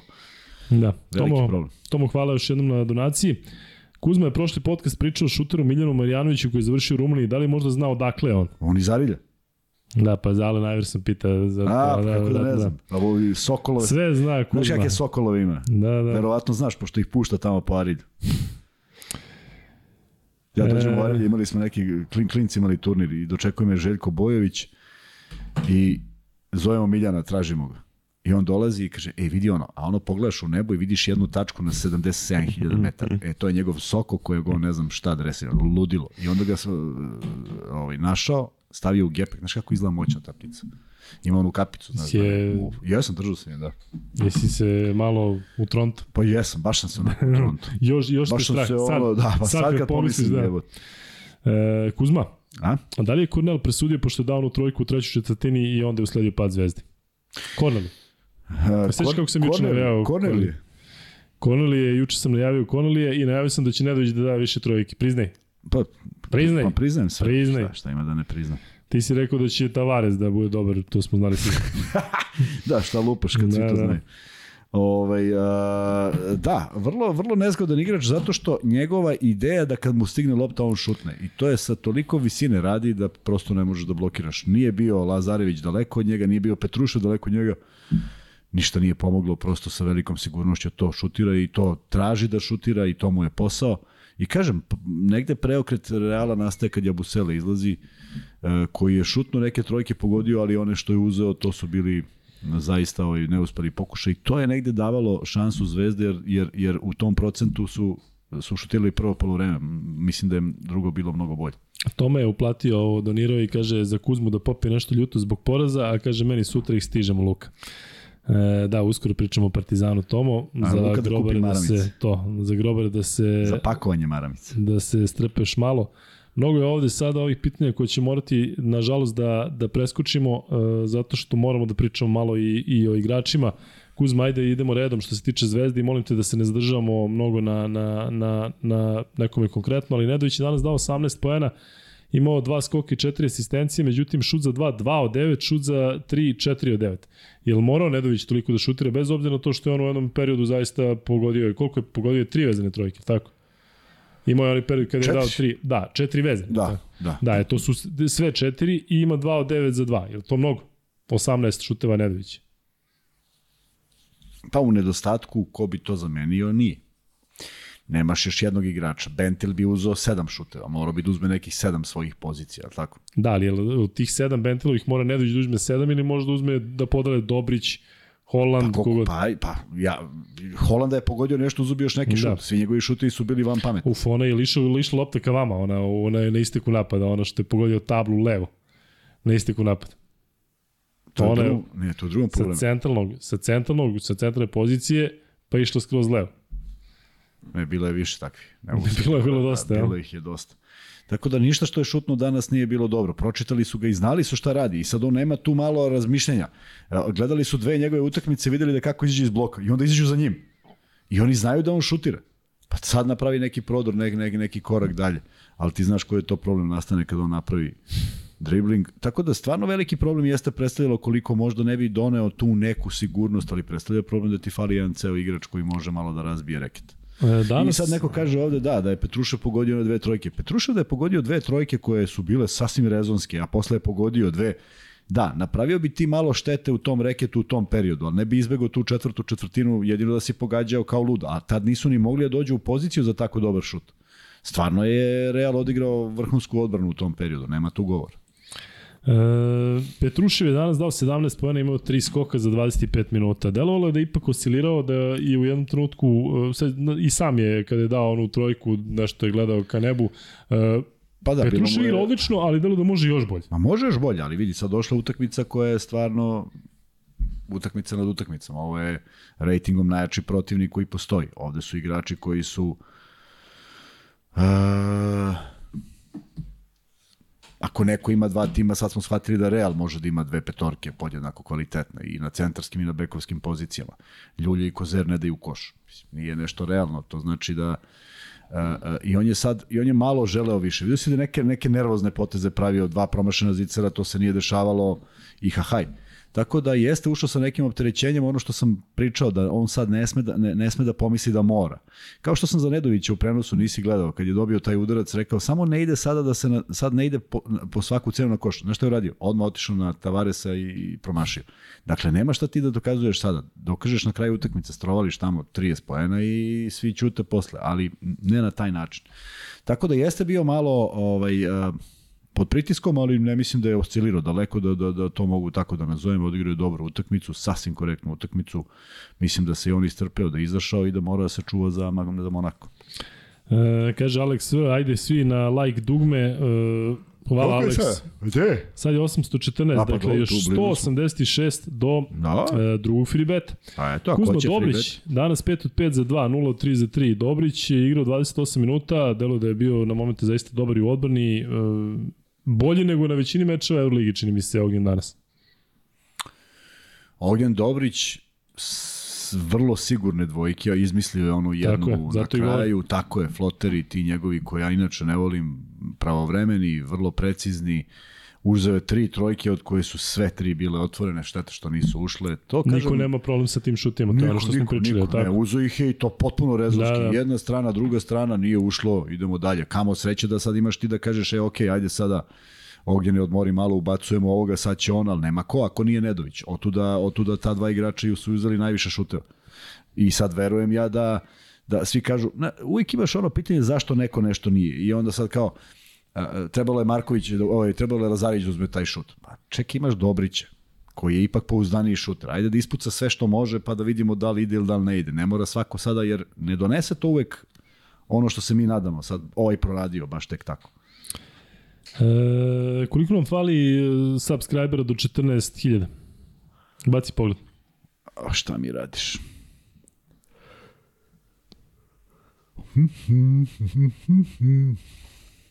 Kaže, do 14.000, kaže... 6.700. Do 14.000? Da. Ste lud? Ali ga reći koliko? 303. Pa dobro, blizu smo. yes. Bliži smo nego što, što je bilo. Yes.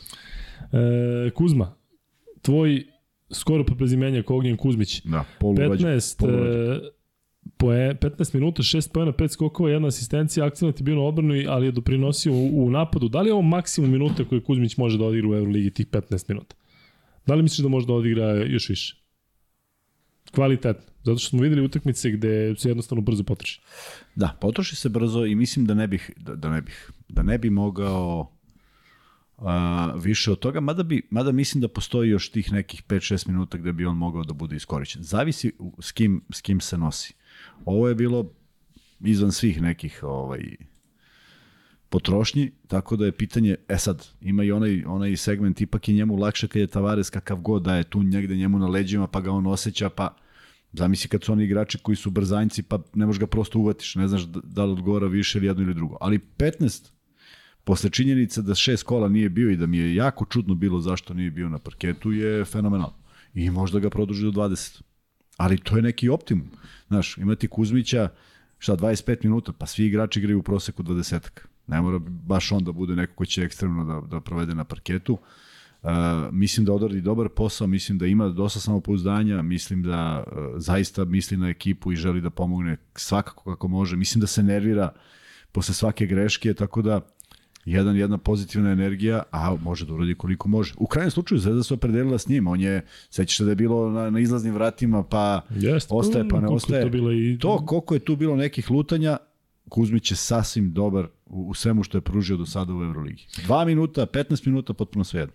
E, Stefan Marković, 5 pojena, 6 skokova, 7 asistencija i košarkaš koji je danas u Zvezdi prema mom mišljenju neočekivano bio sa ubedljivo najvećim minutažem, ja nisam verovao da može da odigra 34 Pa, minuta, ali je mora. odigrao. 1 od 4 da, za 2, 1 od 3 za 3, ima ovde oni koji kritikuju dalje Markovića, međutim Duško Ivanović je danas na konferenciji rekao, to sam ja čuo, pošto sam došao ranije, ti možda nisi, da je Marković danas odigrao i više nego što, što može, dakle da je nadmašio sebe. Pa jest. Pa ja tako mislim. Pa što onda Kuzma kritikuje Markovića? Ma Ajde, ne, za, pa- čak i razumem. Za Lazića Zna, razumem. Znaš zašto? Znaš Ali- zašto? Verovatno zato što uh, uh, uh, Marković ima atipičan šut. Nema lepu mehaniku šuta. I ja mislim kad bi on šutirao 99-99, da ubaci misteriozno, ja mislim da ti ljudi koji bi gledali želeli bi da on promaši i verovali da on promašuje jer mu je takva, takvo izbacivanje. On nažalost ima takav šut. I to Međutim, bilo moguće promeniti. Pa moglo je u nekom momentu, sad više ne Da. može, ali nikad nije menjao, pa to je ostalo tako. I sad pazi, ti pogledaš neku, neki, neku, neki dijapazon utakmice koji je prošao i shvatiš da je on negde i pogađa. Nije to baš bilo toliko loše. Ali nije on prosto ni mentalno tu na tom mestu da će on sad uzme, koliko je uzeo? Sedam šuteva. Pa to, on to ne uzima. Ali nije imao ko. I meni, meni je za svaki respekt što je on birao opciju ne da uzme loptu i baci nekog i otrči u ćošak i stane kao četvrto dodavanje od tog kod kojeg je lopta 6 sekundi do kraja, nego je čovjek uzeo, preuzeo stvar u svoje ruke.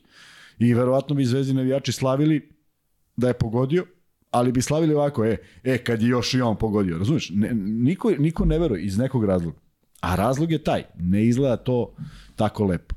To je jedini razlog. Inače, ja, ja u njegovom broju lopti, u normalnoj ekipi ne vidim problem da on uzme 3-4 lopte. Uh, ajde da se setimo samo kupa i to sam rekao prošle godine. Ako je samo zbog toga došao i pogodio to što je pogodio, bilo je dovoljno Da, da reši tu jednu je to. Pa da. A, ono što se meni čini je da Stefan Marković, e, da ga mnogi pamte u onom periodu kada je leteo po terenu, A, jednostavno ima naravno, 35 pa godina, naravno. će uskoro napuniti Pa i više ne može da se, možda se baci on e, na loptu i na i svaku da se baci. skače, da. ali ne može jednostavno da to bude da bude takav doprinos pre svega u odbrani kao što je bio u periodu kada je igrao za reprezentaciju. Meni se čini, ne povezujem ni sa čim, ali negde otprilike kada nas je sve iznenadio i kada je rekao da više neće igrati za reprezentaciju, se pitao pa zašto čovjek ima ta 28-29 godina, ali moguće da i on osetio da fizički više nije kao što je nekad bio i vidite da i sezonu u sezonu čovjek je već uveliko veteran, tako da možda i Ma, ne treba očekivati previše od njega Ma naravno da ne sa treba. tim ograničenjima o kojima ti pričaš što se tiče šuta, što je bilo kroz cijelu njegovu karijeru, naravno Tako da neće biti na onom nivou kada je bio u Tako, Zenitu i ajde i ne pričamo da očekujemo sad previše. Ja mislim Tako da je on odradio lavovski deo posla. Danas i, i zaista njemu, kako bih rekao, ja mu skidam kapu. 34 godine, skače, leti, sve radi, bije se, pada. Ne, ne znam šta bi neko mogao da mu, da mu, da mu prigovori. Majke. Kuzma, Stefan Lazarević, dva poena za 22 minuta, dva šuta, jedan je pogodio, odbrana, kako ti je sve to izgledalo? Nije mi izgledalo na, na onako kako on mora. On mora postigne neke pojene. On mora da kada dobije loptu ispod koša, ne sme on da oseti ovaj jači ili više ili nešto. Mora probaš da daš koš, mora budeš opasan, moraš da nateraš. Slažem se da Da, ispod ali vidio si Ilić je to probao, pa je Slažem završio se, kako slažem se, ali pa, uh, uh, sve to stoji, ali moraš da izmisliš način da po- postigneš neki koš. Bez obzira, nije Tavares stalno ispod koša, mora nekada da bude i, ili neku asistenciju ili već nešto. Mora hrabrije, samo to, ništa više. E sad dolazimo do igrača koji nisu postali poene, Holland 10 minuta, Ilić 7 minuta, Lazić 17 minuta, Mitrović 17 minuta. Kuzma, ljudi nemaju mnogo razumevanja za Branka Lazića i Luku Mitrovića, ti imaš zašto? Luka Mitrović apsolutno imam, ajde sad, zašto? Zato Pa ne, pojasni, zato što znamo u kom pravcu. Zato što, zato što ne možemo zaboraviti, Zvezda ima devet pobjeda, je li tako? Pa ko je učestvovao u tih devet pobjeda? Pa valjda ista ta dvojica. Ne, mislim da ljudi očekuju da se Mitrović istekne u ovakvim trenucima Ne kada može. treba da igra protiv Tavaresa. Ovo je utakmicu koju ne može istaknuti. Evo ovako. Pa baš zato, mislim da bi Ne sada... može, ne može, ne može. Evo sad ću, sad ću pokušati da objasnim zašto mislim da ne može. Luka Mitrović kad je prebačen na peticu, on je fenomenalno uspevao da se snalazi protiv gabaritnih, sličnih, slične visine igrača, kada on napravi neku onu njegovu kretnju, jedan korak levo, pa je ovde stavi, ili je stavi ovde, pa je zavrne i da. I pošto je takav, takve građe i tako se dobro snalazi brzih nogu, on zaista pobegne od tog čoveka. Ti od Tavaresa ne možeš da pobegneš. Glupo zvuči, ali od takvih igrača, ako bežiš, samo mu daješ mogućnost da te lakše blokira. Ti moraš konstantno da budeš u kontaktu. Tavares je u ovom trenutku nad čovek. On prosto odigrao utakmicu kakvu, znaš, ne znam da li će odigrati možda ovako, možda mu je ovo najbolje izdanje, možda će biti još bolji, ali prosto on je, on je pokrio sve što je mogo da pokrije. Luka Mitrović je par puta pogledao koš, napravio dribling i shvatio da nema gde da provuče loptu. Jer smo trebali stvarno da vidimo Luku Mitrovića koji bezuspešno ide na desno polaganje, levo polaganje. Desno. Da, ali mislim da sada dolazi do izražaja to što je on ograničen što se tiče šuta. Tako je, to je najveći problem jer to Luka Mitrović u svojim najboljim danima i ne radi. On napravi onaj short roll što vole da kažu, otvori se vrlo brzo iz pika i ako je ako je ubaci, ubaci, ako ne, to ide dobra asistencija. I on je to usavršio. I kada nema Tavaresa, kada je bilo ko niži da Luka Mitrović može to da uradi, video si četiri puta je bio pod košem, četiri puta lopta nije stigla nigde. Tako da ne treba mu zameriti. Ovo su van serijski uslovi, jednom, dva puta u godini igraš protiv ovakvog čoveka. Nije inferioran Luka Mitrović protiv fala. Nije onaj, ni Džakiri, ni ovaj. Nije. Tavares je zaista nešto nenormalno veliko. 2-3-6, kaže Darko da ima raspon ruku. To je odavde do vanja. Pa, do, do, do, vanje. Može pipne vanje. Znaš, I još, da- još sam ubeđen, čini mi se, ako neko, ako može da me podsjeti, kada je Petrušev uhvatio loptu u napadu i vratio je onim floterom u koš, kunem ti se, mislim da je ovaj iskočio i da je čačno loptu negde u, u zenitu. Neverovatno, mislim, neverovatno koliko je brz i koliko je teško šutnuti. Čak i te trojke koje smo gledali Petruševa preko njega. Znaš ti koliko to blizu izgleda? Ti pomisliš Petrušev je na 3 metra, on šutne, a ono ispadne da lopta prođe na 2 cm od prsta. Neverovatno. Tako da ne treba to uzimati za ozbiljno. Za Da, ozbiljno ali vidiš, za, ovdje kaže. Tavares e, sada pokazuje gde je zvezda tanka. Pokazuje, naravno. Da. Ali ne, e, da li može to ne, da li, da li smo videli inferiornog Luku Mitrovića protiv ostalih centara, nešto se ne bi zaklao. A činjenica je da kada, kada Zvezda izgubi od Armanija i kada raširi Meli, da Zvezda nema takvu peticu, nema, nema tog igrača koji može da raširi i da šutira da šutira trojke. Ali to, su, to smo znali za Luku Mitrovića odavno. Mislim, nije sad to ništa novo. Kuzmi, za kraj, ali imaš nešto da dodaš u Holandu o čemu nisi pričao ranije? Ne. Nešto bilo šta? Ne bih želao. Ne, sve smo rekli. Ne, Nederland. A Ilić, e, tih 7 minuta, to je jedno izblokirano zakucavanje, jednostavno možda deluje da je e, prekrat, možda, kratak je taj period gde se očekivalo da Ilić ne igra uopšte i onda odjednom, ajde u Euroligi da daš doprinos neki. On je ušao, pokušao Znači da on nije igrao dugo, Da. da. ni u ABA ligi, ni bio u ekipi, bio i- na klub sa, sa strane. Samo treba da skuplja sad neko iskustvo. Dakle, kad shvatiš, kad prvo mora razmisliš ko je na parketu, je li tako? Da. I, i kre, ne kreneš onako nonšalantno za zakucavanje. To prođe protiv gro ekipa u ABA ligi, ali ovde ne prolazi jer niko neće to dozvoli tek tako da, da, da, da ti zakucaš. Prema tome, uh, samo malo iskustva, malo više hrabrosti.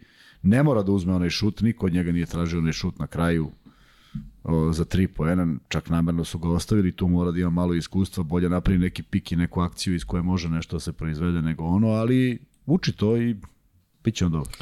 Milane, hvala što si poslao to kudmi, pokazat će mi posle da sada ne smaramo ljude sa tim što ipak nije toliko bitno u ovom trenutku, ali hvala ti što si se istimao.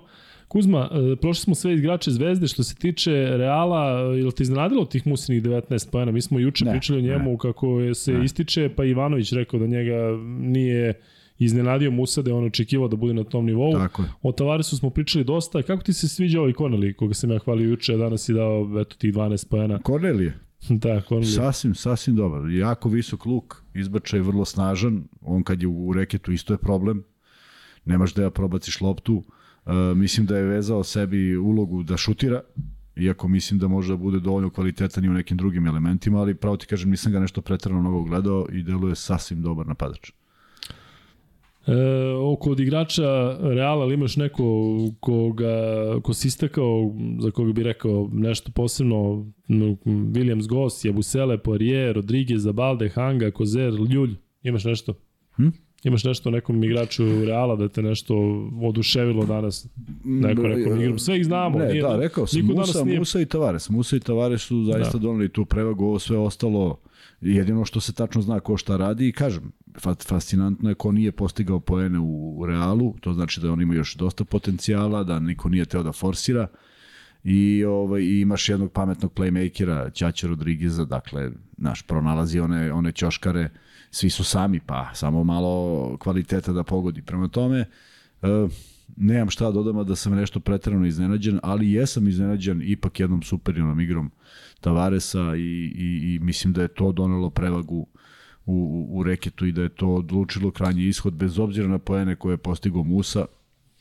Ovo je, ovo je neka glavna, glavna stvar koja se desila. E, dakle, to je to otprilike što se tiče Zvezde. Kuzma, za kraj mi reci, mi ćemo naravno pričati o najavi Monaka, odnosno najavit ćemo taj meč sutra u podcastu kada ćemo prvo pričati o duelu Makabije i Partizana, a to sada najavljamo.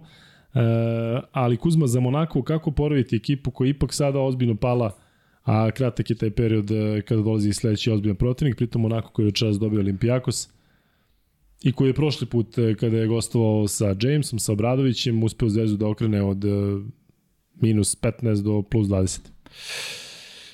Uh, Monako je pobedio i zadovoljan je početkom ove nedelje, dolazi u Beograd, dolazi sa željom da se revanša jer je u posljednjem pohodu u Beogradu stradao u areni. Tako da će želiti to da promene ono što su igrači Zvezde mogli da vide baš, baš na toj utakmici, to je kako stvari funkcionišu kada, kada pre svega čovek koji opet reši utakmicu James podbaci, jer... Uh, Kuzma ne da veriš ono danas. Znači on u prvoj, u prvoj četvrtini divlja i onda uradi nešto što ja nisam mogao da verujem da, da ću videti kako neko ko trenera uh, Obradović. Dakle, on napravi faul i izađe sam. Izađe. I sad izađe sam.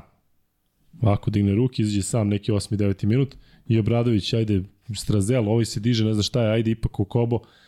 E, da li je moguće da to Obradović toleriše? A znamo kakav je bio temperamentar i kao igrač i kao trener, zaletao se na Renfrova. Jel, jel to možda dokaz da ipak svako od nas ima negde dokle zna da može, a dalje ne može? Da James to radi. I onda druga četvrtina, on sam da 14 pojena, vrati ekipu i na kraju bude i klač igrač. Šta da radiš ti? Ne znam. Ne, ne bih volao da sam s njim. Ni kao saigrač, ni kao trener. I nemam ništa protiv njegovih kvaliteta. Ja uživam u nekim njegovim potezima, prosto takvi su, ali ima i neke stvari u kojima ne da ne uživam, nego ne bih, ne bih želao da budem s njim blizu u istoj dvorani. Pitam te kako to Zvezda iskoristi? Zvezda iskoristi isto kao što je iskoristio Partizan. On je bio van utakmice, Ja, to treba da bude primer Zvezdi. Partizan je da, dao 100 da, Monaku, da, da. odigrao dobro. Nema veze šta je dao Partizan. To je potpuno, nego samo da, da, da uvede u nervozu, jer ipak sve zavisi od Jamesa. Njihova igra zavisi od Jamesa. E, Partizan je odigrao dobru odbranu, pre svega na njemu. Jednim levkom ga je stalno ubacivo u taj reket gde ti sad moraš da iskoristiš visoke igrače koji će da smetaju, pa neka se on oslobađa lopte, Ne voli on, ne voli on da dodaje. On voli da napravi asistenciju kad Don misli yes, da treba, da. ali kad I to stalno, bude glavni. Da, da on bude glavni. Da. Kad to kao stalno treba, to mu, to mu nikako ne prija. Tako da on jeste glavni okidač, može da odvede ekipu i ovamo i onamo. E, malo je vremena, danas, danas teško da su pričali o tome, sutra će imati verovatno dva treninga ili jedan duži. I to je to, tu je već završena cela priprema utakmice pa da vidimo kako će reagovati. Bilo bi zgodno da Zvezda, mislim da ima Mislim da kad sabereš Valenciju i Real, ovo što je Zvezda uradila u dve utakmice, ne znam, ne znam zašto ne bih bio optimista protiv uh, Monaka kod kuće. Mislim da imaju pravo da budu optimisti, ali mora da traje duže sve ovo što su uradili danas, kako Ivanović kaže, u neki 25 minuta. E, evo ovde kaže e, Nikola Jeftić, James 35 minuta danas, su Kobo 33, možda je tu šansa oni su pa se istrošili, a moraju da igraju. Pa naravno. Da, jeste, to je bio jedan jako ružan meč za gledanje, u smislu da je bilo mnogo promašaja, mnogo izgubljenih lopti, dakle, e, očekivao sam ja iskreno više od ekipa koji imaju 11-6, odnosno imale, imale su 11-6 u tom trenutku i bili su među tih pet timova sa tim skorom na vrhu tabela. Ali, e,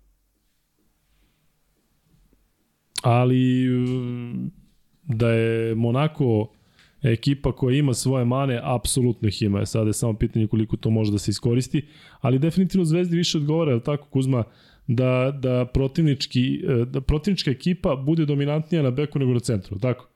To sa, i bez obzira što ne da, bilo dosta da, i sve, da, tako? Da. To zna se ko, ko će da ga čuva, tako? Ako znamo e, šta može Lazić, šta može Marković, šta mogu odbrani, E, trebalo bi da, da, da James ne eksplodira u, u četvrtku. Tako? Da, da. Treba zaustaviti uh, uneti tu negde nemir.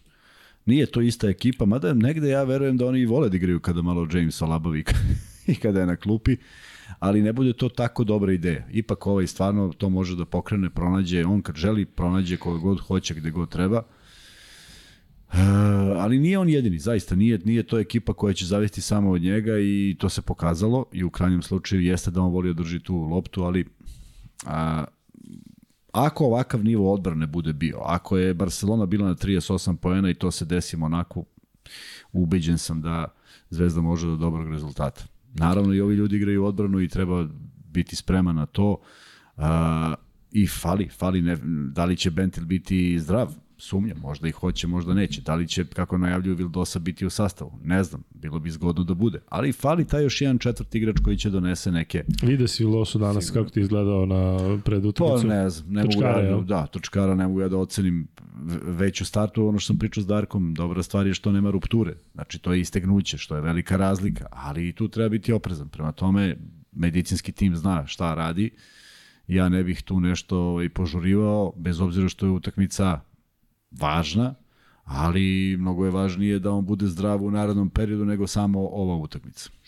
Moram priznati da me oduševe danas ovaj Makondu, zato što tom dečku sam znao one najosnovnije stvari. Dakle, on je ušao potpuno kao jedan nepoznat igrač, napravio koreke, nije ga to poremetilo, pa je onda napravio još jednu grešku, ništa i onda je krenuo neka zakucavanje, pogodio možda i najbitniju trojku na meču i svaka čast Saši Bradovića što je istrpeo taj deo sa Makundom, momak imao i neku neverovatnu blokadu, pa mu je onda sviran faul kada je izblokirao Mekisika, dakle nisam video dugo da u Euroligi neku ko je potpuno iz drugog plana, još uvijek relativno mlad, on ima 22 godine, ima mlađih, Strazele mlađi, oni kulture mlađi, ali uh, da odjednom tako dođe i kao da je u Euroligi ne znam koliko godina, tako da eto, bit će meni interesantno da, da vidim kako ćemo Kondu igrati i koliko će igrati protiv Zvezde u četvrtak. E, kažem još jedno, mi ćemo taj meč najaviti sutra. Sutra otprilike podcast počinje oko 23 sata, šta smo rekli, 23, dakle kao i danas. I e, Kuzme još samo malo da prokomentarišem meče koji su odigrani danas. Alba Armani 83-63. Armani je trenutno najveća kanta ekipa na planeti. Dakle, ti Kuzma ne znaš šta je ono. Ne znam, ne znam. Ja. Da se Alba sprda sa njima. Dakle, o, Alba. Znači, znamo da je, da je Alba bila posljednja do, do ovog kola i e, ne znam zaista šta da mislim. Neprijatno mi je da gledam Armani ponekad. Bayern Baskonija 92-79, Baskonija pada, Bayern se diže. Kuzma, koliko je to dobro za Zvezdu i za Partizan? Da ko pada? E, da Baskonija pada, a Bayern da, da se da, diže. Da, pa dobro. Dobro je, dobro je da... Ako ne, ne bi iznenadilo da Baskonija bude negde na ivici ulaska u play-off. Ne, dakle. mislim da su dovoljno dobri. Ajde, baš ćemo da Da, baš ćemo da vidimo. Ovaj, a Bayern se diže, ali to i dalje prilično loše izgleda sve. Gledao sam ih protiv Albe, izgubili su utakmi neverovatno kako su izgubili, prosto koje su to ideje, šta se tu dešava. Uh, Tako da ne vidim da će oni nešto tu sad mnogo da poremete, a ako se igra u Minhenu, onda nek pobedi domaćin. Bolje nego neko da skuplja pobede u gostima. To je neka ideja, verovatno, koju ću ja sad nastaviti da praktikujem, pa ako god igra, samo nek pobedi domaćin. Iz prostog razloga što su to nekako normalne pobede. Biće veća gužva, ali bolje nego da se neko odvaja. Ti šta, Baskonija pobedi FS i Fenerbahče u Turskoj, pa izgubi u Nemačkoj i od Albe i od Bayern. Ne, Euroliga je stvarno, da. ja ne znam ko, ko se kladi, ko pogađa Euroligu u svakam čast, e, zato što je sve, sve, sve čudno. Naopako. E, nismo gledali taj meč, ali ajde prokomentarišemo bar rezultat, videli smo taj neki snimak Panathinaikos Fenerbahče 88-94 e, u produžetku. Pa pogledat ću posle kad dođem kući malo taj kraj da vidimo o čemu se radi. Uh, š, teški momenti za, za Radonjića. Uh, Ja mislim ako ovo potraje još uh, poraz dva da će tu doći da, do da rastanka. Pa da. Zato što jednostavno neće ali vidi, biti Ali vidi i da, i, da, i, da ne, i, da, i da se prebrodi. Ja ne vidim Panathinaikos u 8. Nije. A cela ideja je da bude u 8. Da, da. Nije ovo sve skupljeno da bi se bio, da bi bio 12. Tako da samo će agonija duže trajati s pojedinim igračima. I za kraj ovog današnjeg e, dela Euroligi Virtus Žalgiris, pobjeda Žalgirisa u gostima 77-87, ali Teodosić fantastičan 21 poen i Virtus Žalgiris 77-87, Teodosić 21 poen, 12 asistencije. A pobedio Žalgiris? Pobedio Žalgiris. Onda džabe sve to, tako? Pa u principu, da. E, da, i dolazimo sada do ovog dela, čekaj da imamo koliko imamo lajkova, ako smo došli do 1060 lajkova, do 1000 tog e, lajka, pa ćemo onda imati drugi free bet. Kuzma, dolazimo do Partizana. Partizan igra protiv Makabija na gostovanju. E, ja koliko pamtim, evo oni koji prate Partizan, oni pravi grobari će se setiti. E, Partizan je u Beogradu imao antologijske utakmice protiv Makabija, ali je e, na gostovanju, bilo i tamo, čini mi se, pobeda u onom periodu kada je Partizan igrao Euroligu, ali je tada, čini mi se, bilo i nekih teških momenta, mislim da je Bogdan Bogdanović povredio koleno ili je Gagimil, čak i jedan i drugi mislim da su se povredili, jedan od njih dvojice sigurno, ali Partizan Kuzma sutra u ovakvom odnosu snaga, ne možemo da kažemo da je, da je veliki outsider protiv Makabija. Kako Makabi igra, koliko osciliraju u domaćem prvenstvu i, i u, u Euroligi, e, Makabi ima 9-8, Partizan ima 8-9, Partizan će e, pobedom da se izjednači ne samo sa Makabijem, već e, će imati 9-9 kao i Zvezda, a potencijalno i Anadolu Efes može da ima 9-9 ako sutra izgubi od Valencije. Da. E... I Partizan potencijalno može da dođe do osme pozicije.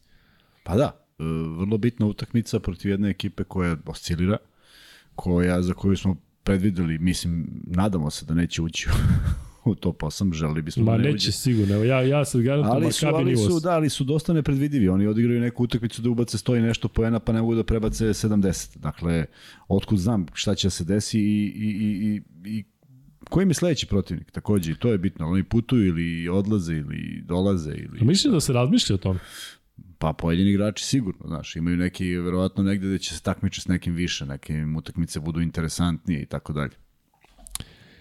Makabi naredni meč u Euroligi, odnosno za dva dana igra protiv Panathinaikos. Kataš se vraća gde je igrao i... Ide u Atinu. Da, da. Vidiš, i u tom kad... Makabi vjerojatno ovo gleda da im je prilika da ove ne e, uzmu dve pobjede. Upravo to, upravo to. I to je nešto što može da izove fokus kod, kod igrača ako žele da igraju top 8. Partizan, s druge strane, u jednom dobrom naletu, ono što Partizanu nedostaje, a nadam se da ćemo vidjeti na utakmici protiv Makabija, to je taj doprinos koji Obradović traži od igrača koji igraju dobro u ABA ligi. Dakle, ne njihov doprinos kroz pojene, to je divno kad se desi, nego doprinos kod ostale stvari da bi upotpunili te neke rupe i da bi, da bi igrali što čvršći odbranu. Mislim da je to preko potrebno da Partizan bude konstantan kao što u zadnje vreme jeste, kao što su to ipak utakmice na manji broj poena, pa ako daju, ako Partizan postigne veći broj poena, to je zahvaljujući dobrom napadu, ali mi deluje da su mnogo drugačiji u odbrani, da mogu da razbiju i svojom i svojim kvalitetom samo da igraju mudro. Dakle, a, ono što Panter sebi dozvoli a, nešto sebi dozvoli, nego što sebi napravi pozicije za dva i što, što tu treba radi češće, tu više ne treba bude nikakve diskusije i ne treba provode više vreme da pričaju o tome, jednostavno to treba bude tako. A kad si sam i šutneš, majstore, ako pogodiš fenomenalno, samo nemoj da bude obratno, nemoj da forsiraš šut iz driblinga preko ljudi, a da dvojka ne bude u razmatranju. Uh, imaju, imaju šta da pruže, kakav otpor da pruže Makabiju, opet verujem da će ta utakmica biti maksimalno uh, spremljena što se neke taktike tiče i vidim da postoje šanse da Partizan pobedi i da se vrati sa pobedom, što onda i njemu otvara vrata za nešto dalje, jer raspored onda ne deluje tako loš. E, ta utakmica koju je Partizan dobio protiv Makabija nije bilo toliko davno. Krajem novembra je Partizan dobio u Beogradu, ja mislim da to je jedna od najboljih utakmica generalno koje sam gledao u Euroligi ove godine gde se zaista iglo za koš više. Kao što si ti rekao, recimo Partizan Monako 100 prema 80, ali nisu igrani loše odbrane, nego jednostavno jedni drugi da, su ubacivali, da, da. posebno Partizan. Ali koliko, e, recimo konkretno za Partizan, pa onda i generalno, koliko sada kada ulazimo u drugu fazu Euroligi, kada igraš već igraš ponovo protiv nekih timova, koliko je reper ova prva utakmica koja nije bila toliko dana? Da, pošto to nije, ne prođe onaj isti Tako vremenski je. period između svake, to može da bude nekada se dešavalo bude i u dve utakmice razlika. Uh, pa pogledaš ko je prvo igrao, ko je u sastavu. To se ovde sad to se ovde dosta da, menja. menja. Druga stvar, vidiš šta si dobro radio i primeniš to isto. Nema sad tu neke, teško ko tu sad nešto menja uh, da bi promenio mora promeniš neke igrače da bi, možda postaviš nešto, neku, neku minijaturu, ne možeš ti da menjaš sada postavku, pogotovo ne u Makabiju koji mi deluje kao igramo pa na neki način šta se desi. Imamo Brauna, pa će onda vodi, pa ako nešto smisli super. Ne deluje mi da neku te, teško dobru koncepciju ima Makabi i mislim da je Partizan u tu prednosti jer ipak u Partizanu se neke stvari znaju. Ono što Obradović hoće zna da još dobije tu povratnu informaciju još od nekoliko igrača onda da on zna da ima 8-9 igrača koji to mogu i mislim da bi to bilo dovoljno. Ali Partizan je promenio pristup i meni, se, meni je drago što je Partizan promenio pristup sa igre na veliki broj poena na jednu smireniju igru, kada se koristi kontra, koristi se, ali kada se ne koristi, to uvek bude jedan duži napad sa poprilično dobrim rešenjima i otuda Partizanu visoki procenti šuteva. Nisu oni proizvod ne znam čega, nego jednostavno dobre igre u napadu. E, da, evo mene pitaju ovde za Madare kako će igrati protiv Makabija s obzirom na to da je Da ne iz izgori, Velaza da ne pokaže da, sada kako nešto. ti misliš? Da. Pa ne znam, uvek postoje te dve krajnosti, znaš, uvek možeš da kreneš šta će ti pokažeš da si ne znam šta ili bil, ne znam kome šta pokazuješ, ali evo, e, taj primer sam ti dao. Ja izgovaram da Nedović ne mora sada da dokazuje ništa posle udarca u glavu, da sada nešto bude ljuton. Sledeći sekund ide na ulaz pored, pored Tavaresa i promašuje. Dakle, nije to nešto što je neophodno. O, ovaj momak ima malo godina da bi bio toliko staložen i vidjet ćemo, može, može prijatno da nas iznenadi da ne iznervira svog trenera i da bude staložen i da vodi svoju ekipu, nego pre nego da se nadigrava sa nekim zamišljenim protivnicima i potencijalnim kandidatima u njegovoj reprezentaciji ili tom timu i tako dalje. E, Bročilo kaže da je Luka mišljenje o Colsonu, sjajna sezona u Kršijaki, sada je ušao u ritam par zadnjih utakmica u Makabiju. Evo sada ćemo proći sve igrače Makabije pojedinačno. E, imamo još 14 lajkova do free beta koji će biti u vezi Partizana. Tako da e, ja moram reći da mene ne bi iznenadilo da sutra da sutra Madar odigra dobro, zato što on jeste ta glava koja jednostavno želi da se dokazuje i, i kada, kada je u, u nekoj svojoj zoni, a sutra vrlo, može, vrlo lako može da bude, e, može da donese naravno mnogo dobrog partizana. Kod njega mi delo da možda sutra neće biti neke sredine, da sad Madar bude onako umeren, podeli par asistencije. Mislim ili da će biti totalni kanal ili da će onako da iskoči. U svakom slučaju, ovo što sam pitao Kuzmu, ja takođe tvrdim da je jako bitno da, da to što je Partizan dobio Makabi ne tako davno i da praktično skautiraš, eh, skautiraš tu utakmicu, dakle gledaš gde si, gde si bio dobar, gde nisi, Tako da, ako se sećate, to je bila ona utakmica gde je Makabi vodio 50-49 na polovremenu i onda se baš igralo dobro u drugom polovremenu i Partizan na kraju dobio 8 razlike ili je bio egal bukvalno do pre minut pre kraja. E, pita Andrej Kmaković kako donirati. Andrej, imaš opciju PayPal, Patreon, imaš opciju ovde u live chatu, tako da e, hvala ti što pitaš i mi bi trebalo češće to da podsjećamo, ali uglavnom, uglavnom zaboravljam. Evo ga, hiljadi ti like, što znači ide free bet u vezi Partizana. Koji košarkaš Partizana će sutra igrati protiv bivšeg kluba? Ko prvi odgovori, dobija uh, drugi free bet max beta i treći ćemo da udarimo na kraju, da li će biti NBA liga ili će Kuzma da izvuče nešto iz naftalina, neki, neku nirvanu, neki triangle ili tako nešto, mada ja sam već pritao za triangle.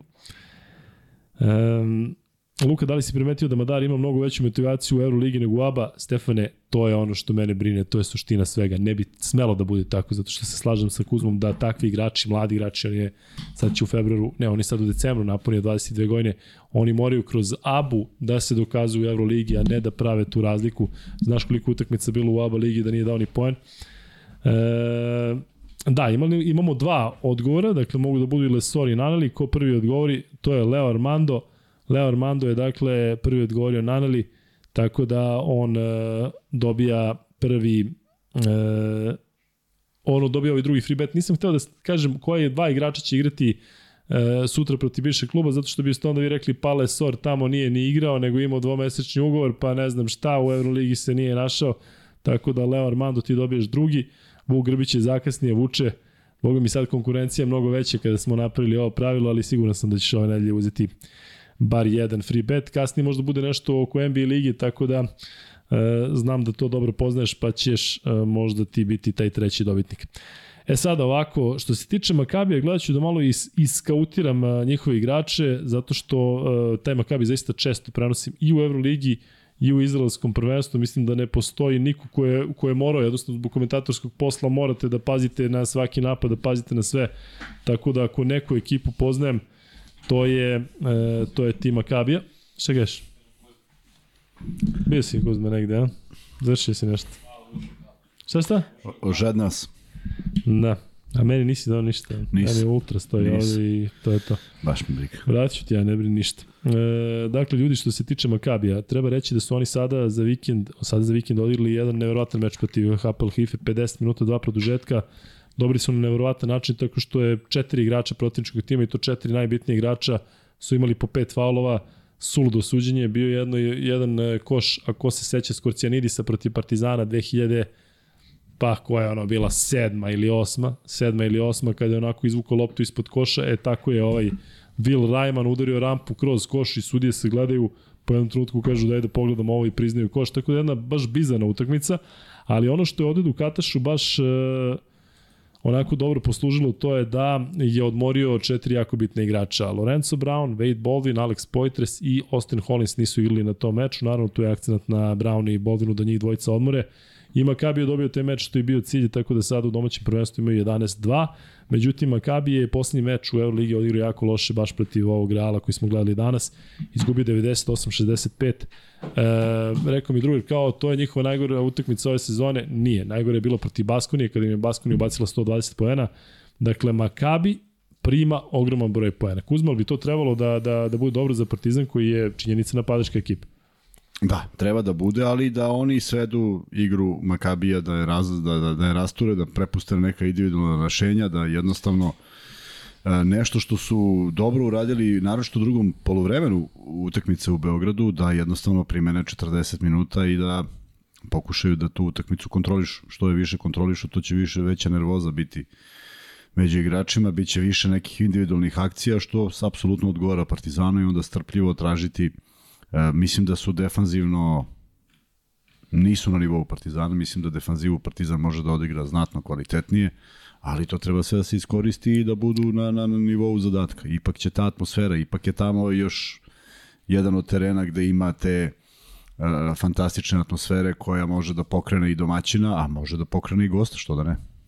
E, igrao si protiv Kataša i pričao se nam čak i o nekim situacijama. Bio je vrh, vrhunski igrač. Kako ti se sviđa kao da, trener? Bio... Pa se nagodoveži pa, na to. Ne, lepo je, lepo je radio sa mlađim selekcijama. Tako smo se upoznali u, koša, upoznali u stvari, tako smo se sreli ponovo u Košarkaškom savezu.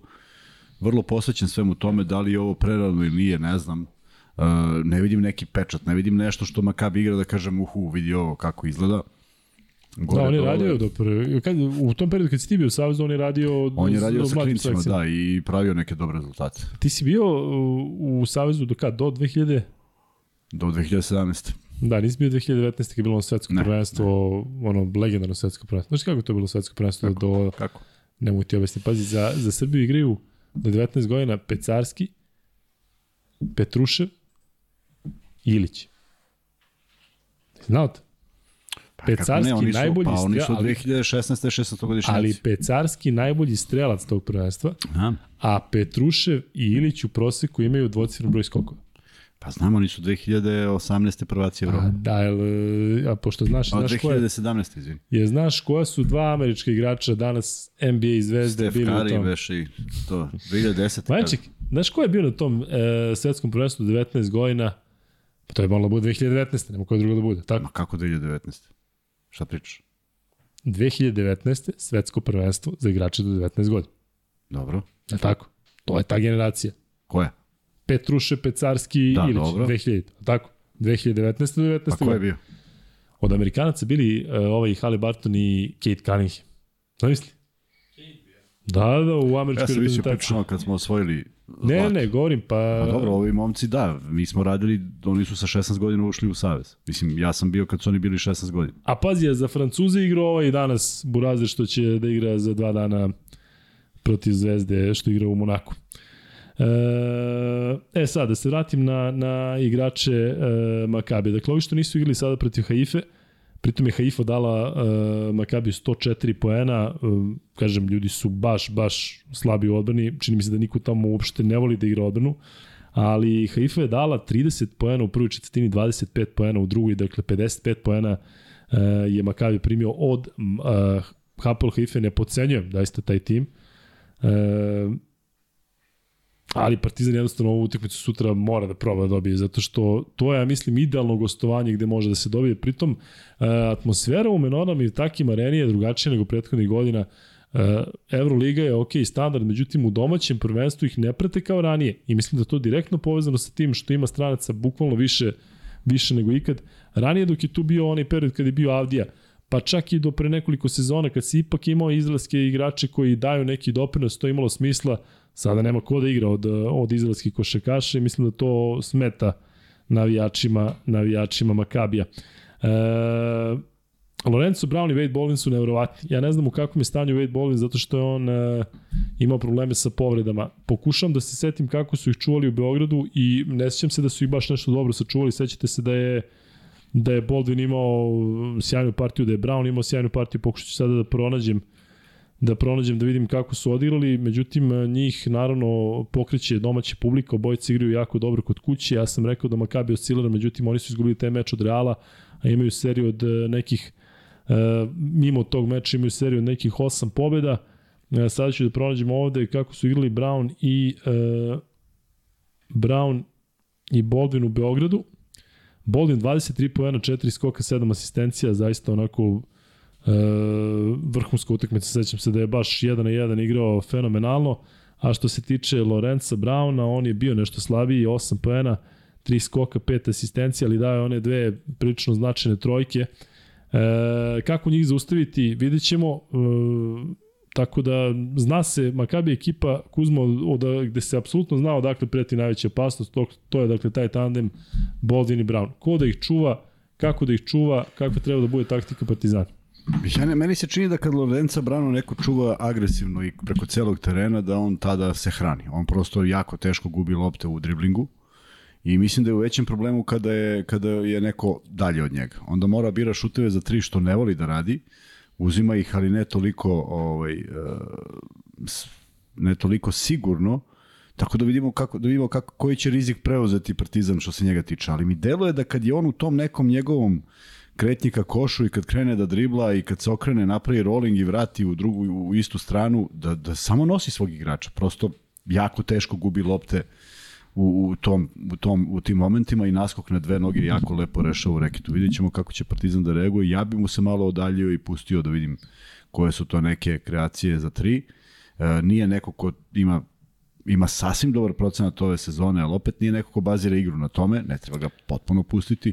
Međutim, a, on voli i da se on igra i da malo razigrava sa igrača, ali jedno bez drugog ne ide. Neće on biti neko ko će razigravati bez poentiranja, tako da vrlo slično od Jamesu mogu da ga čuvaju i to su radili vrlo uspešno. Ovde pišu da Makabi ima 7-1 kod kuće da su izgubili samo od Barcelone, ali ono što je isto pitanje i što se meni dopada i o čemu sam razmišljao, to je da je za razliku od prvog meča Aleksa Vramović sada u timu, da li bi on mogao da bude taj specijalac na Brown? Može da bude na Brown. Ali, ali pa koliko god treba.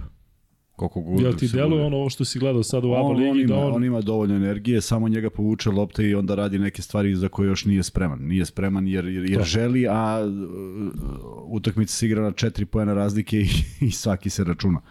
Tako da dok dođe do neke svoje sigurnosti, on treba da radi te neke zadatke i i njega, njemu smeta ta energija, njega povuče lopta i on bi želeo sad sve, on bi želeo 8 poena da u jednom napadu, što nije, nije izvodljivo i onda zato treba biti oprezan, ali mislim da što se tog pritiska na loptu tiče, mislim da čak može fa, vrlo kvalitetno i da fintira, da ne bude zalepljen za njega, nego jednostavno da ima toliko dugi ruki da je brz da može da on diktira napad Lorenza Brauna i, i, i utiče na njegovu napadačku igru. E, Kuzma rekao ti je e, Kajmaković ovde da pogledaš PayPal. A PayPal, pa ja sam mislio da smo pričali već tome, da, poslao nam je ovaj, i rekao ti je tebi je poslao Kajmaković, Andrej nam je poslao parice i rekao ovako, kaže. Kaže, evo Luki da ima za WC papir i maramice. da, sad će da bude internet e, pa eto šta, neki pa majmovanje će da pati. Majmovi stolet papira. Da, da. A i Aleksandar Denić, pozdravljamo ga, on je novi patron i to smo spomenuli na početku, ali sad otvaram poruku čisto da zna. Hvala puno jednom i drugom, ovo za maramice i toalet papir ko nije gledao početak podcasta, pošto je bilo manje u live-u, pa neka vrati, neka vidi o čemu se radi. Da se vratim pojedinačno na igrače, na igrače Makabija Poitres i Hollins nisu igrali u ovom prethodnom meču. Poitres uh, mi se iskreno ne dopada. Više mi se sviđa ovaj Nibo, koji konkretno zna šta od njega da očekuješ. Poitres može da da 20, može da 5, može da ne uredi ništa ne volim tako nesigurne igrače posebno na tim visokim pozicijama, ponekad mi deluje da je previše sili, što možda bude dobro za Partizan. Nibo i Lesor, to će biti vrlo interesantan duel, zato što obojice imaju nevjerovatne skakačke sposobnosti, duše Poitras je jači, meni će biti interesantno da imamo kako će jedan drugog braniti. Sorkin je tu neko koji iz drugog plana je onako prilično dobar i meni se Sorkin dopada kao igrač, on je vjerojatno najbolji izraelski košarkaš, e, pošto duše on ima i ukrajinski pasoš i John Di Bartolomeo je je izraelski američki, ali ajde da ih nazivamo domaćim igračima, oni su, ajde da kažem, taj izraelski e, tandem koji, koji može dosta, zato što vidim da Menko baš oscilira puno, pa nekada ima i, i malo minutažu. Međutim, dolazimo do ova dva igrača za koje mislim da su jako bitne, e, bitni, to su uh, Jalen Adams i Bonzi Coloson. Ovde neko primetio, nisam video ko je, izvinjavam se zato što je otišlo gore što se tiče komentara, pa je neko tražio da to uh, prokomentarišemo za Colson, on zaista podiže ozbiljno svoju formu, imao je sad protiv Haife 25 pojena i 10 skokova, ono što se meni baš e, sviđa kod njega, Kuzma, to je tako jedan čist šut, gde tačno vidiš onu rotaciju lopte, znaš kako lepo se zakoprca lopta kada da bez koske. Uh, on je u Milvokiju tražio svoju šansu u onom najčem Milvokiju, u onom šampionskom sastavu i on uspeo malo da se promova, da odigra neke utakmice kada je bilo povređenih igrača i onda odlučio da dođe u Evropu. Uh, igrao u Daru Šafaki, igrao u Karšijaki, evo sad dobio priliku u, u uh, Euroligi, koristi je maksimalno, mnogo bolje recimo nego ovaj Gerald Martin i on je bio dobar u ovom posljednjem meču, ali mislim da sutra neće igrati toliko mnogo. Drugi igrač uh, o, za koga mislim da Partizan mora da, da obrati pažnju, to je ovaj što je tražio timeout. Taj Jalen Adams je neko ko, ko se hrani domaćim navijačima koji je mnogo opasan, očigledno da se tim timeoutom ima i, i da nije baš e, sav svoj, ali Adams je redko, redko opasan igrač i mene je prosto duševio zato što je došao kao posljednje pojačanje, kada je već sezona počela, znate koliko je Makabi uspeo da se pojača tokom leta i on je došao i pronašao svoje mesto i kada je Lorenzo Brown odmara, odnosno čak i kada je Brown u igri, on preuzima odgovornost, to je pozicija koja je dobra za njega, on je tako u Haporu Jerusalimu prošle godine igrao iza Kilpatricka, i, i iza Obasona i onda kada se njih dvojica umire, on se klupe zna da da po 30, sada je podigao nivo svoje igre na viši nivo, e, tako da treba sutra Partizan da se pazi, naravno ovih standardno dobrih igrača Boldvina i i Brauna, međutim Adams je sada, za razliku od onog prvog meča, već odigrao veliki broj utakmica za Makabi, čini mi se da je došao početkom novembra, e, kada je već sezona krenula, tako da E, treba obratiti pažnju na Adamsa u ovom prethodnom meču je zaista bio dobar, pogađao neke bitne šuteve na stranu, to što je e, tražio timeout. to mu e, ne možeš da veriš, kažem ti, ja gledam i, i ne verujem. E, Partizan je navikao da igra u tim, ima Partizan atmosferu kakvu ima u ogromnoj dvorani, tako da ne bi trebalo da Partizan podlegne atmosferu. Ne, ne, ne, da, da, ne, ne, ne, ne bi trebalo. Nema, nema te dvorane koje treba da utiče na igrače Zvezde i Partizana, to je realno. I eto malo flashbackova, dakle ovde mi e, skreću pažnju da je Gagi Milosavljević povredio prednje, prednje ukrštene, to je ta povreda koju pamtim. Partizan je odigrao sad ovaj meč u novembru protiv Makabija, pre toga su odigrali samo jednu e, prijateljsku utakmicu poslednjih 8 godina, a e, znate da su Partizan i Makabi u Euroligi u onom periodu kada je Partizan e, pod Vujoševićem igrao da su vodili zaista ozbiljne duele. Partizan je e, pobeđivao, ali u, u kada je bio domaćin, ali je bilo i neki pobjede na strani, toga se sećam, ne mogu sada da pronađem naravno uh, koliko se to dešavalo i kada se dešavalo.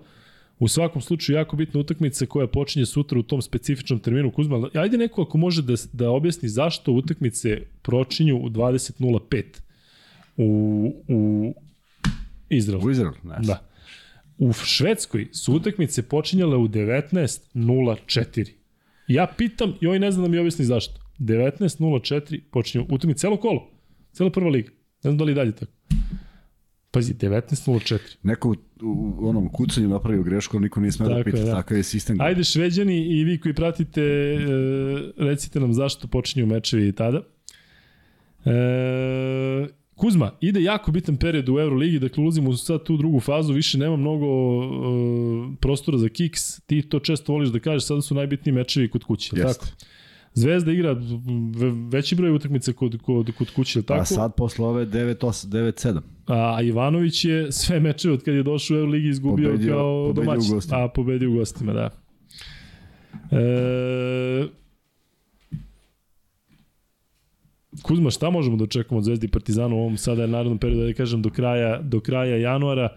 I čini mi se da će taj derbi koji se igra 27. imati mnogo veću težinu nego oni prvi, zato što će možda napraviti neku razliku da neko ode da, pobedu ili da, dve više. Da, da. E, zavisi to od ove dve utakmice naredne. E, Zvezda igra Monako pa Žalgiris u gostima. Žalgiris koji u ozbiljnom naponu i neko nam je napisao ovde da stvarno smatra da Žalgiris proizvodi sa svojim trenerom nešto neviđeno iz prostog razloga što nisu, i mi smo ih ovde okarakterisali onako poprilično loše na početku sezone, ali vidiš taj jedan, to je jedan tim vrlo sličan tom nekom mentalitetu i upornosti kao što su i Partizan i Zvezda i tu negde vrlo ličimo na jedni na druge, ovaj, jednostavno ne vole, ne vole poraz ni jedni ni drugi. A, pobedili su Virtus dva puta, jednom u gostima, eto, jednom kao domaćini i naravno da će da čekati Zvezdu, pa i posle onih svih, ako se sećaš prošlogodišnjih gluposti oko zastava i svega što se dešavalo, ovaj, i verovatno pred punom dvoranom, velika je satisfakcija tamo odigrati dobru utakmicu, mislim da Zvezdi takva ekipa odgovara, mislim da nema tu sad ne bih mogao da izdvojim posle povrede njihovog playmakera, da izdvojim sad da kažem da su oni mnogo talentovanija ekipa, ali i da su uporni, da su snažni, jesu. Zvezda makar u tom segmentu, u, u ovakvoj situaciji bez najboljih igrača može da odgovori i smatram da postoji šansa da Zvezda uh, uh, u naredne dve utakmice dobije, dobije jednu bilo bi dobro da to bude Monako, pa onda da sa takvim raspoloženjem odu i u Kaunas. A Partizan ima priliku da igra protiv uh, Makabija i sledeća je protiv Baskoni, je tako, u Beogradu? Tako je. Uh, protiv Makabija, ako se ostvari pobeda, fantastična će biti atmosfera i prilika da Partizan napravi dve pobede, pa ako ne i više u nizu. Ali Baskonija dolazi sa nekim onim o čemu razmišljaš. Samo, samo izbeći to, izbeći da, da upadneš u zamku, e, to pre x meseci, mi smo mogli da pobedimo, sad nismo i da budeš nervozan u utakmici zato što je to potpuno nova utakmica manje više sa istim akterima. E, nije tu bilo mnogo promene ni u jednom ni u drugom timu, ali opet treba obratiti pažnju da ovoga puta nauk svega onoga što se izdešavalo bude takav da Howard ne odigra tu utakmicu koju je planirao da odigra. On je glavni pokretač, dao je neke neverovatne poene na čist talenat i zaista je to lepo gledati, ali a, nešto slično Jamesu. Ako su uspeli da zaustave Jamesa, sigurno postoji šansa da se ustavi Howard. Pa, jedan od najboljih trenera u Evropi sigurno ima rešenje i za to. Naravno, igrači to treba da sprovedu. Ali ta utakmica u petak zavisi dosta od ishoda ove utakmice, u stvari načina kako će igrati Partizan u, u Izraelu. Ako Partizan to pobedi, sve je otvoreno. Ako ne bude kao što, što, što navijači žele, onda i ta druga utakmica ulazi se u jednu u, u, sa jednim pritiskom. Međutim, sve je moguće, rekao si da su rezultati nepredvidivi Ja mislim da Partizan može makar do jedne pobede. Čak bi više, više mislim da, da im je pobeda kod kuće bitnija, ali Makabi mi nije ekipa od koje treba da, da, da Partizan strepi. Dve su, dve su fantastične, zato što onda ti daju potpuno drugačiju poziciju. Hajde da vidimo kako će to da izgleda koliko sutra, zato što uh, mi ne, ni jednog trenutka nisam, nisam prihvatio da je Makabi snažna ekipa bez obzira na imena.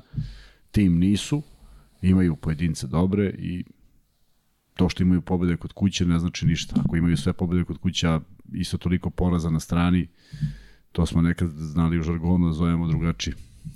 Da, e, ono što mene sa jedne strane brine, a sa druge strane mogu bi da bude plus za Partizan, to je da i dva igrača za koje sam ja govorio da treba biti oprezan sa njima, Lesor koji je fenomenalan i Madar koji oscilira, e, obojice sutra imaju potrebu da se dokažu. Madar naravno kao izraelski košarkaš koji nije igrao nigde sem u Hapalu iz Tel Aviva i e, Lesor koji u Makabiju nije dobio praktično nikakvu šansu. To može Kuzma da bude dobro ili loše za Partizan? Ma samo ne izgoreti u tome, upravo. Znaš, za Madara si pa, govorio, ali recimo pa za Lesora, Lesor je neko ko ima odličnu formu, Poitres ne igra zbog te pored ruke. Tačnije, Poitres se poredio protiv Bajerna krajem novembra i tada je bilo priče da treba da odsustuje dva meseca i on, e, ne znam da li neće igrati sutra, ali se u svakom slučaju uskoro vraća. Tako da e, Nibo, Sorkin, Cohen, e, to ne deluje kao neka sila u reketu i delo je da Lesor tu ima prosto da se dokaže. Ima, ima prostora i podsjetit ćemo se da je Lesor bio i u Monaku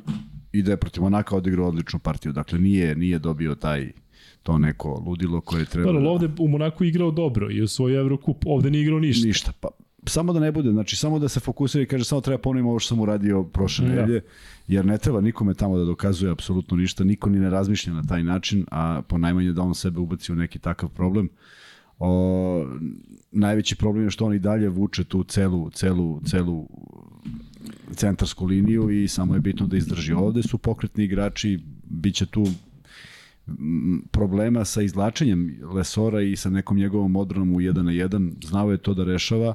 Uh, Partizan je znao to timski dobro da odbrani i da preuzme, da ne izlaže visoke igrače tako nečemu, tako da mislim da će biti spremni i za ovo. Defanzivno Partizan deluje poprilično dobro, uh, nema tu mnogo nekih, nekih rupa, ali, ali ono što se traži, traži se da nova energija sa klupe kad uđe ne pada rezultat, to je to, da, da, da se traje što duže. Prema tome, utakmica je otvorena i, i čak ne mogu da kažem da dajem prednost samo zato što igraju u gostima, ali mislim da Partizan zaista ima dovoljno kapaciteta da tu utakmicu pobedi. Da, i Naneli igra sutra protiv bivšeg kluba. Naneli je prošle godine igrao solidno u Makabi. Ništa. Duše, to je bila neuspešna sezona zato što znaš da je bilo, da su, du, duše oni su ušli u play-off, izgubili Reala 3-0, su izgubili titulu u domaćem prvenstvu i mislim da Pa svi da. žele to da zaborave, da, Da. da zaborave što pre. Kuzma, uh, Jel imaš još nešto što se tiče Partizana i Makabija? Mi ćemo sutra taj meč gledati od 20.05. Ja radim neki Evrokup od 20.30 ili neku Euroligu, ali završam u 22.30. Tako da ću opet na preskoke da gledam Partizan, ali se vidimo ovde sa vama u 11. Kuzma, još nešto da dodaš? Da, dobili smo poruku od Ktorvija, Dobro. koji nam šalje sliku genijalnu. Slika Basket Lige 22-23 i daje ceo raspored prvenstva, sve utakmice u 19.04. Da tako? Basket Liga, da. Tako da smo dobili crno na belo ovde, ovaj, hvala na tome. Da, da odgovorim svima, to, li- e, čini mi se da stvarno neke stvari se menjaju u ovom našem podcastu u smislu broja ljudi koji se uključuju u sve ovo i samim tim se povećava broj poruka. Danas ih je stiglo isto neverovatno. Ja sam ti rekao da je juče bilo fantastično, danas je još fantastičnije. Ja. Neka ne zamere ljudi kojima ne mogu da odgovorim. Negde samo, samo registrujem, ali prosto da bismo imali razgovor koji treba da ima smisla, ne Jeste. mogu baš da ovaj, posvetim toliko i hvala svima na uglavnom izuzetno lepe poruke i potvrde da ovo što radimo svi zajedno deluje dobro. Ja samo još da podsjetim da nisam stigao to da završim samo zato što nije bio pritisak. Novac za Uroša je prebačen, kod mene je na računu, samo čekao moment da, da uplatimo za hospitalizaciju, onda ćete znati tačno koliko je sve ono što je stiglo za njega, sve smo to izračunali i prebacujemo jedan pristojan iznos i mnogo mi je drago što smo ovaj, eh, tu gde jesmo, a eh, da se zahvalim u njihovo ime svima koji su donirali, tako da nema lepše. Video sam da sada mnogo ljudi, prosledili smo ovaj broj za porodicu koja je ostala bez kuće i onda su se javili ljudi koji su već uplatili novac, tako da ću mi poslati ove, ove uh, uh, uh, proizvode koje su poručili, šolje i slično, tako da ćemo sve neko to lepo da organizujemo i da i da širimo mrežu prijatelja i dobre energije i onda će se pojaviti novi proizvodi koji će biti na našem šopu i tako dalje. E, sportski pozdrav Kuzmi od bivšeg sagrača Keme iz Zenice. Voleo bih da budete moji gosti u Zenici. Moj saigrač, Da, Kema. Kema. Iz Zenice.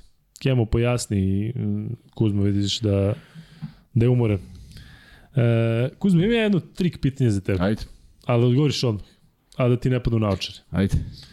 Pred, e, ovo, dakle, ovo nije free bet, to je za Kuzmu. U Partizanu postoji jedan Srbin, Dobro, u Makabiju postoji jedan Španac dobro. i zajedno su igrali u Zvezdi. Ko su? A de znam, ne me pitaš što. Lorenzo Brown je španac. I? S kim igra u Zvezdi? Srbinom. Gde je Srbin?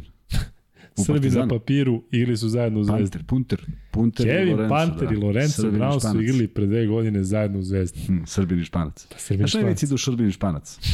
I kaže u Lorenzo i kaže Lorenzo Kevin. Da, da. E, Da, eto, tako vi što se desi. Interesantno.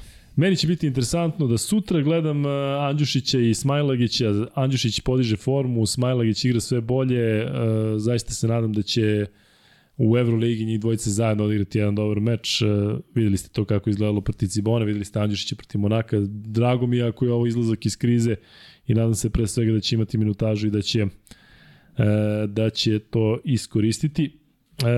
Kuzma, mm, hoćemo da privodimo kraju, još jedan free bet. Da, još jedan free bet, idemo, dosta Samo ćemo da kažemo da, sata, da. da se igra naravno i Eurocup uh, i da budućnost igra sutra protiv Hamburga, tačnije danas, pošto već počela, Da. da. sreda, počela je sreda. Uh, budućnost igra protiv Hamburga od 19.30, a Cedevita Olimpija igra protiv Burse od 18 časova, to će biti revanš uh, četvrt finala prošle godine, kada je Bursa eliminisala Cedevita Olimpiju. Nisu to toliko izmenjeni sastavi, tako da će to biti interesantan meč. Dakle, sve naravno prenosimo na kanalima sport kluba, a sutra još igraju Asvel Barcelona i Valencia Efes.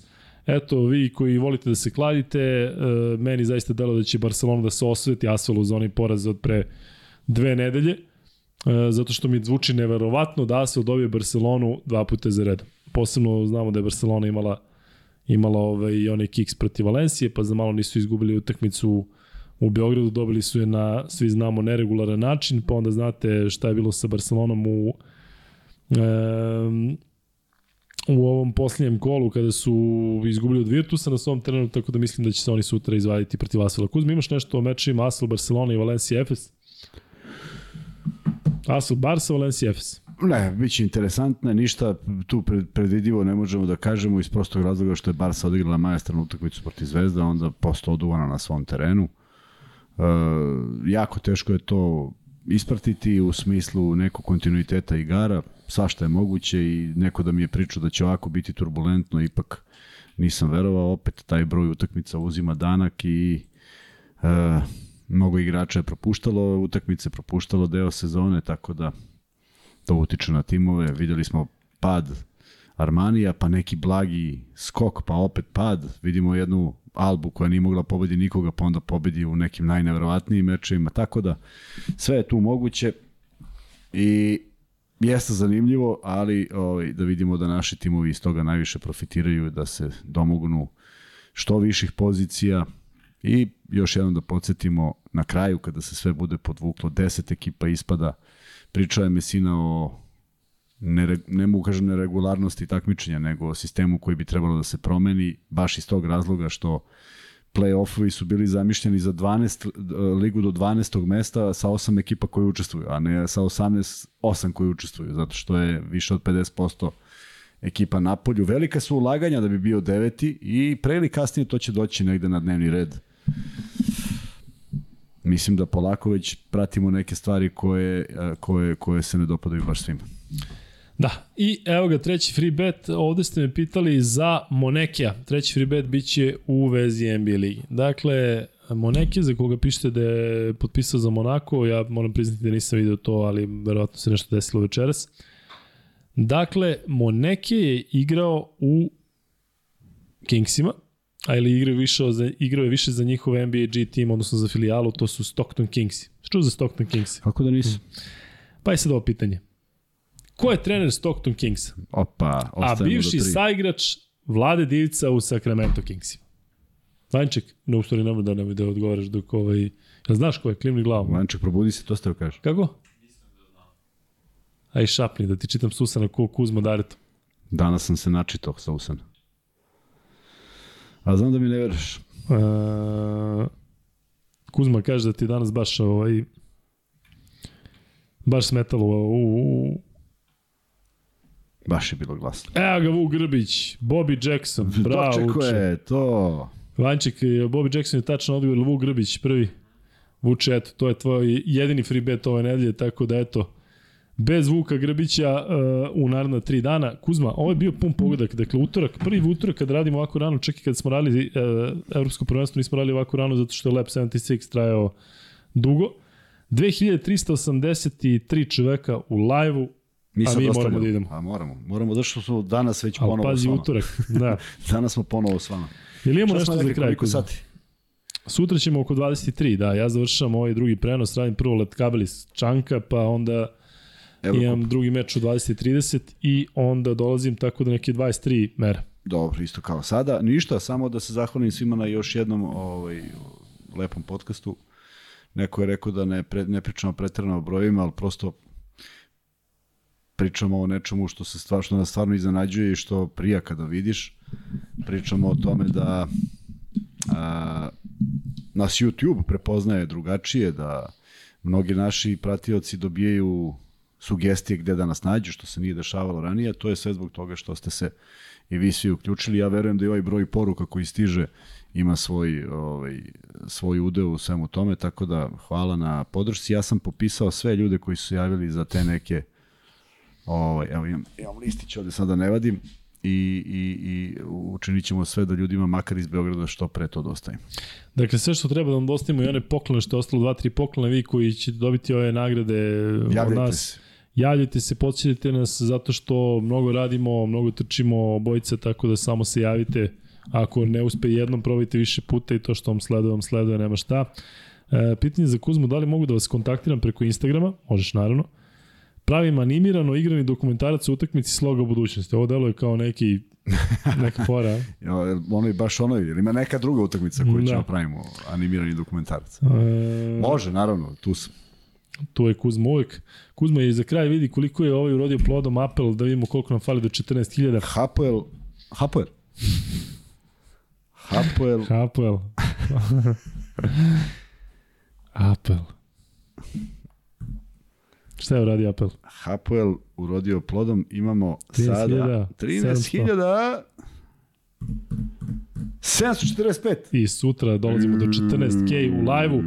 Sutra u 23 sata, e, naravno, odjavljujemo Partizan Makabi, najavljamo Zvezda Monako, budite sa nama, nadamo se da će biti u istom ovakvom broju. Šta da vam kažem, to će biti jubilani podcast 120. Vidimo se. Sve smo stigli do 120. Da, da.